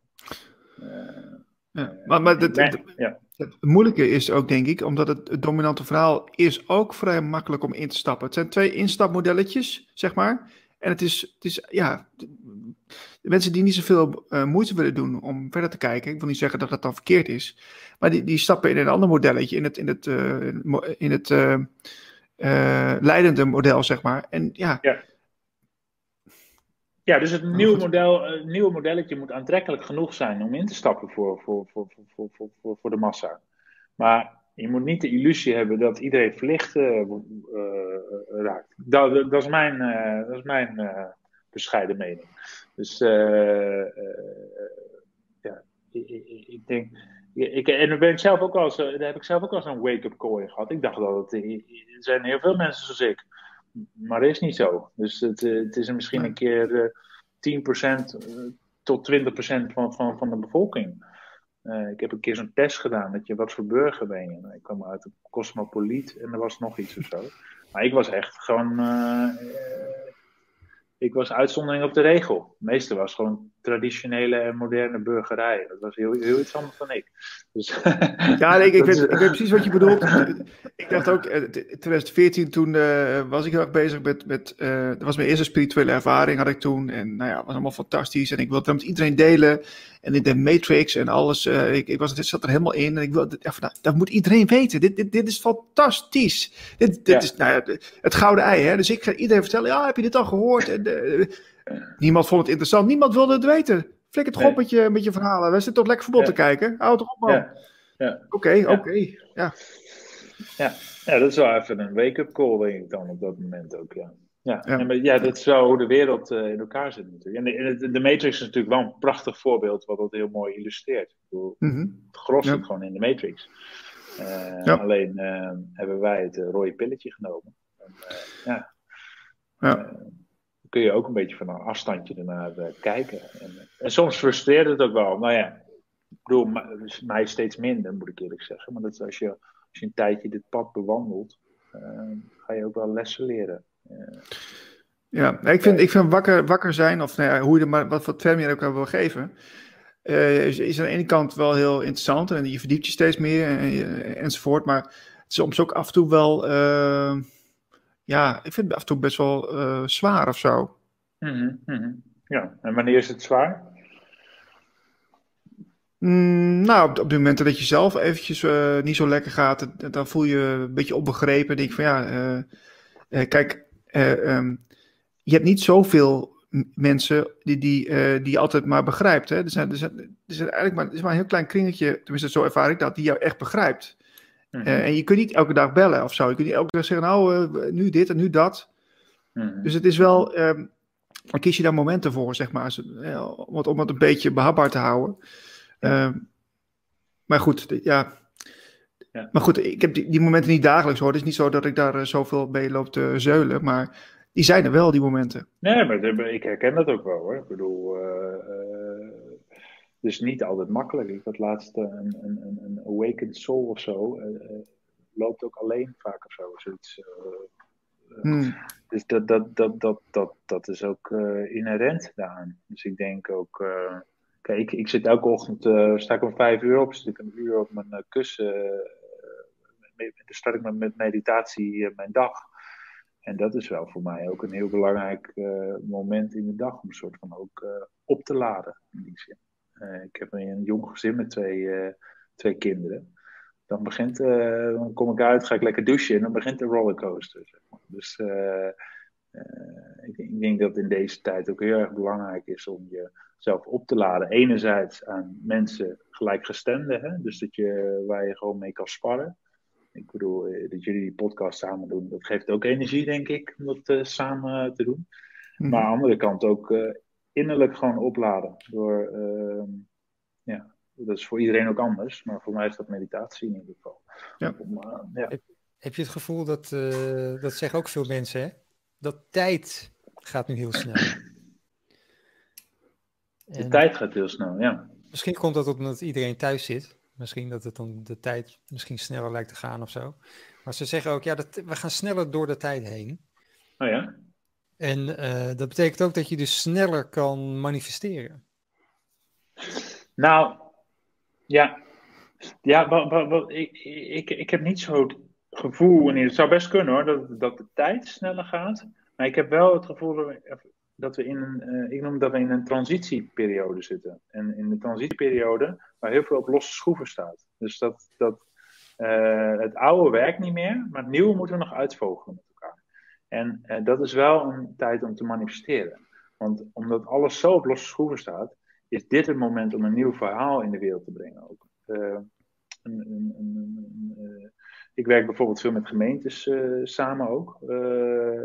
en een gemeente is zo'n, nou, waar je die transitie heel erg ziet. Want er wisselt continu iemand van functie, zeg maar. Waardoor het is, je kunt niet echt goed werken met zo'n gemeente. Maar dat is ook een kans, want als je een verhaal er een beetje doordrukt, zeg maar, van we moeten die kant op gaan, ja, dan is ook de kans groot dat dat gaat gebeuren. Dus in zo'n transitieperiode, uh, als je een beetje uh, mensen mobiliseert en een nieuw verhaal ook daadwerkelijk gaat zetten, dan, dan ik denk dat het wel een tijd van manifestatie is. Uh, en of dat met de, de snelheid van de tijd te maken dat zou best kunnen, dat weet ik niet. Maar ik denk dat het wel een tijd van manifestatie is. Ja. Ja, ik zeg, ik zeg dit ook omdat uh, we hadden, vorige week hadden we uh, technische problemen aan Niels, uh, aan Niels' kant. Ja. En toen zei ik een beetje, een beetje gekscherend van uit welk jaar komt, dat, komt die computer van je? Want waarom werkt het allemaal niet? ja. Als zeiden, hè, je hebt de oude, de oude computer. En gisteren blijkt dat ik, uh, ik, heb, ik heb nieuwe hardware uh, aangeschaft. Wil ik aan mijn computer koppelen? Kan niet. Want mijn computer is net een paar jaar een te oud model daarvoor. dus dan dacht ik, ja, dat is wel weer heel frappant dat het gewoon als een boemerang terugkomt. Dat, ja. ja. Je, je, oordeel eigenlijk over iemand anders komt als een boemerang terug naar jezelf. Ja, ja, ja, zo ja. ja als je hem zo uh, opvat. Ja, ja. Ja, en ik geloof ook wel soms, uh, kan ook wel eens een ruis op de lijn zijn, uh, omdat er iets anders speelt op dat moment. Dus, Zou kunnen, ja. ja. Zeg Wiepe, ik, ik heb het vaak over de nieuwe tijd, over de toekomst. Hè? Um, hoe, hoe ziet jouw ideale toekomst eruit? Kun je daar een soort schets van geven? Nou, als ik het uh, richt op dat, dat, dat, dat, we, dat, we, dat we in eerste instantie waarde hechten aan die eco ecologie, laat ik het zo zeggen. Dus in plaats van uh, economie. Dus dat we in eerste instantie dat we ons gaan realiseren dat er maar één planeet is waar we op kunnen wonen. Dat we daar goed voor zorgen in ieder geval. En dat onze systemen zo zijn gebouwd dat we automatisch daar goed voor zorgen. Want ja, wat lijkt mij gaaf, is dat als ik ehm, opa ben en uh, mijn kinderen kinderen hebben, die die keuze hebben gemaakt al in eerste instantie, dat ze kinderen willen, dat ze dus weer een perspectief zien. dat hoop ik al. Ja, die, die bloedlijn die moet wel door, uh, doorgaan natuurlijk. Wat zei Die bloedlijn moet wel doorgaan, dus... Uh... Ja, ja, ja, wat is dat, hè? Wat in mij, ja, dat is toch wel, ja, dat is een goeie. Ja, dus, maar goed, dat is wel het eerste wat in mij opkomt dan. Um, ja, en, en, en, en, en uh, ja, dat we, dat, dat, dat, we die, dat we leven in die, in die nieuwe economie. Dat het gewoon heel logisch is dat we in ons handelen altijd rekening houden met wat voor impact heeft dit op andere mensen of op, op, op welzijn van dieren. Of, dat, dat, dat mensen bezig zijn met iets wat ze zin geeft. Dat, dat hè, met de technologische vooruitgang, dat we uh, daar eindelijk eens een keer gebruik van gaan maken dat iedereen daar wat aan heeft. Dus niet, uh, niet alleen een klein clubje mensen, maar dat je zegt van nee, oké, okay, mhm. nu is er meer ruimte in je agenda om ook bezig te zijn veel meer met ons spirituele wezen. Om, om, om eens te gaan ontdekken wie we werkelijk zijn. Uh, en dat, dat, dat we die stappen daar naartoe nog veel meer hebben gemaakt. En ik geloof niet dat het, dat, dat het nou ja, ik, ik denk net zoals een verschuiving van onze grootouders, uh, wat zij hebben meegemaakt in de tijd. Zeg maar. Ik denk dat wij ook weer, qua verandering, ook weer zoiets uh, gaan meemaken. En ik hoop dat dat ten goede uh, zal zijn. Dat mijn kinderen in net zo'n vrije, mooie wereld op gaan leven, op gaan groeien als ik, als ik dat heb gehad. Want ik, ik, heb het, ik realiseer me wel dat ik het heel goed heb gehad eigenlijk. Dus mm -hmm. ja. ik hoop wel dat zij dat ook zullen hebben. Ja. Nu gaan de mensen eh, natuurlijk als een idioot naar jouw website toe. Hoe kunnen mensen met jou in contact komen, Wiebe? Um, ja, via mijn website, dus wiebebakker.nl. als je een keer, een, nou, er staat van alles op, ook mijn programma Betekenis voor Ondernemers staat erop genoemd. Kreeg 12 januari ook een masterclass over betekenisvol ondernemen. Kun je via LinkedIn kun je linken met me en dan kun je ook aanmelden voor dat event. Is het online of ja, fysiek? Online. Ja, online. Ja. Mijn programma is altijd fysiek. dat is een zes maanden programma. waar je dus een half jaar op reis gaat met een andere groep mensen die ook meer vanuit betekenis willen werken of ondernemen. Maar via mijn website of via LinkedIn ben ik veel altijd posten en noem op. Dan kun je ook een connectie maken. Dus dat is, dat is de makkelijkste manier, denk ik. Ja. Oké. Okay. En je podcast, hè? Blijven volgen. En de podcast natuurlijk, ja, toekomstdenkers.nu. Dus uh, de laatste podcast met Sinta Oosterbouw. Uh, die schrijft ook uh, Fundamentals voor New Economy. Heel tof. En ik, ik probeer, die moet ik nog benaderen, maar ik probeer Jan Rotmans als tiende gast in mijn podcast te krijgen. Dus hoogleraar transitiekunde. dus ja, dat ook volgen dus via alle kanalen te luisteren of via YouTube te kijken. Dus zo. Gaaf. Okay, ja. We zitten aan de tijd, Marlijn, denk ik, hè? Jij gaat over de tijd, Niels. ja, het, het, is, uh, het, is, het is zover. Wiebe, heel erg dank voor je tijd. Vond het heel leuk. Ja, jullie bedankt voor de uitnodiging. En uh, leuk deze podcast. Dus uh, ik ga zeker luisteren naar komende gesprekken. Gaaf. Volgende week zijn we er weer, hè Marlijn? Of niet? Wat zeg je? Nog... Tot hoe laat duurt de uitzending? Of is dit de laatste voor vandaag? Dit is nu het einde, denk ik. Ja. ja. We zijn twee uur bezig, dus we vinden het wel goed. ja, het is, uh, het is tijd voor lunch. Uh, Wiebe, uh, fijne dag en we houden contact erover. Hey, dankjewel hè. Hoi hoi. Hoi hoi. Hoi.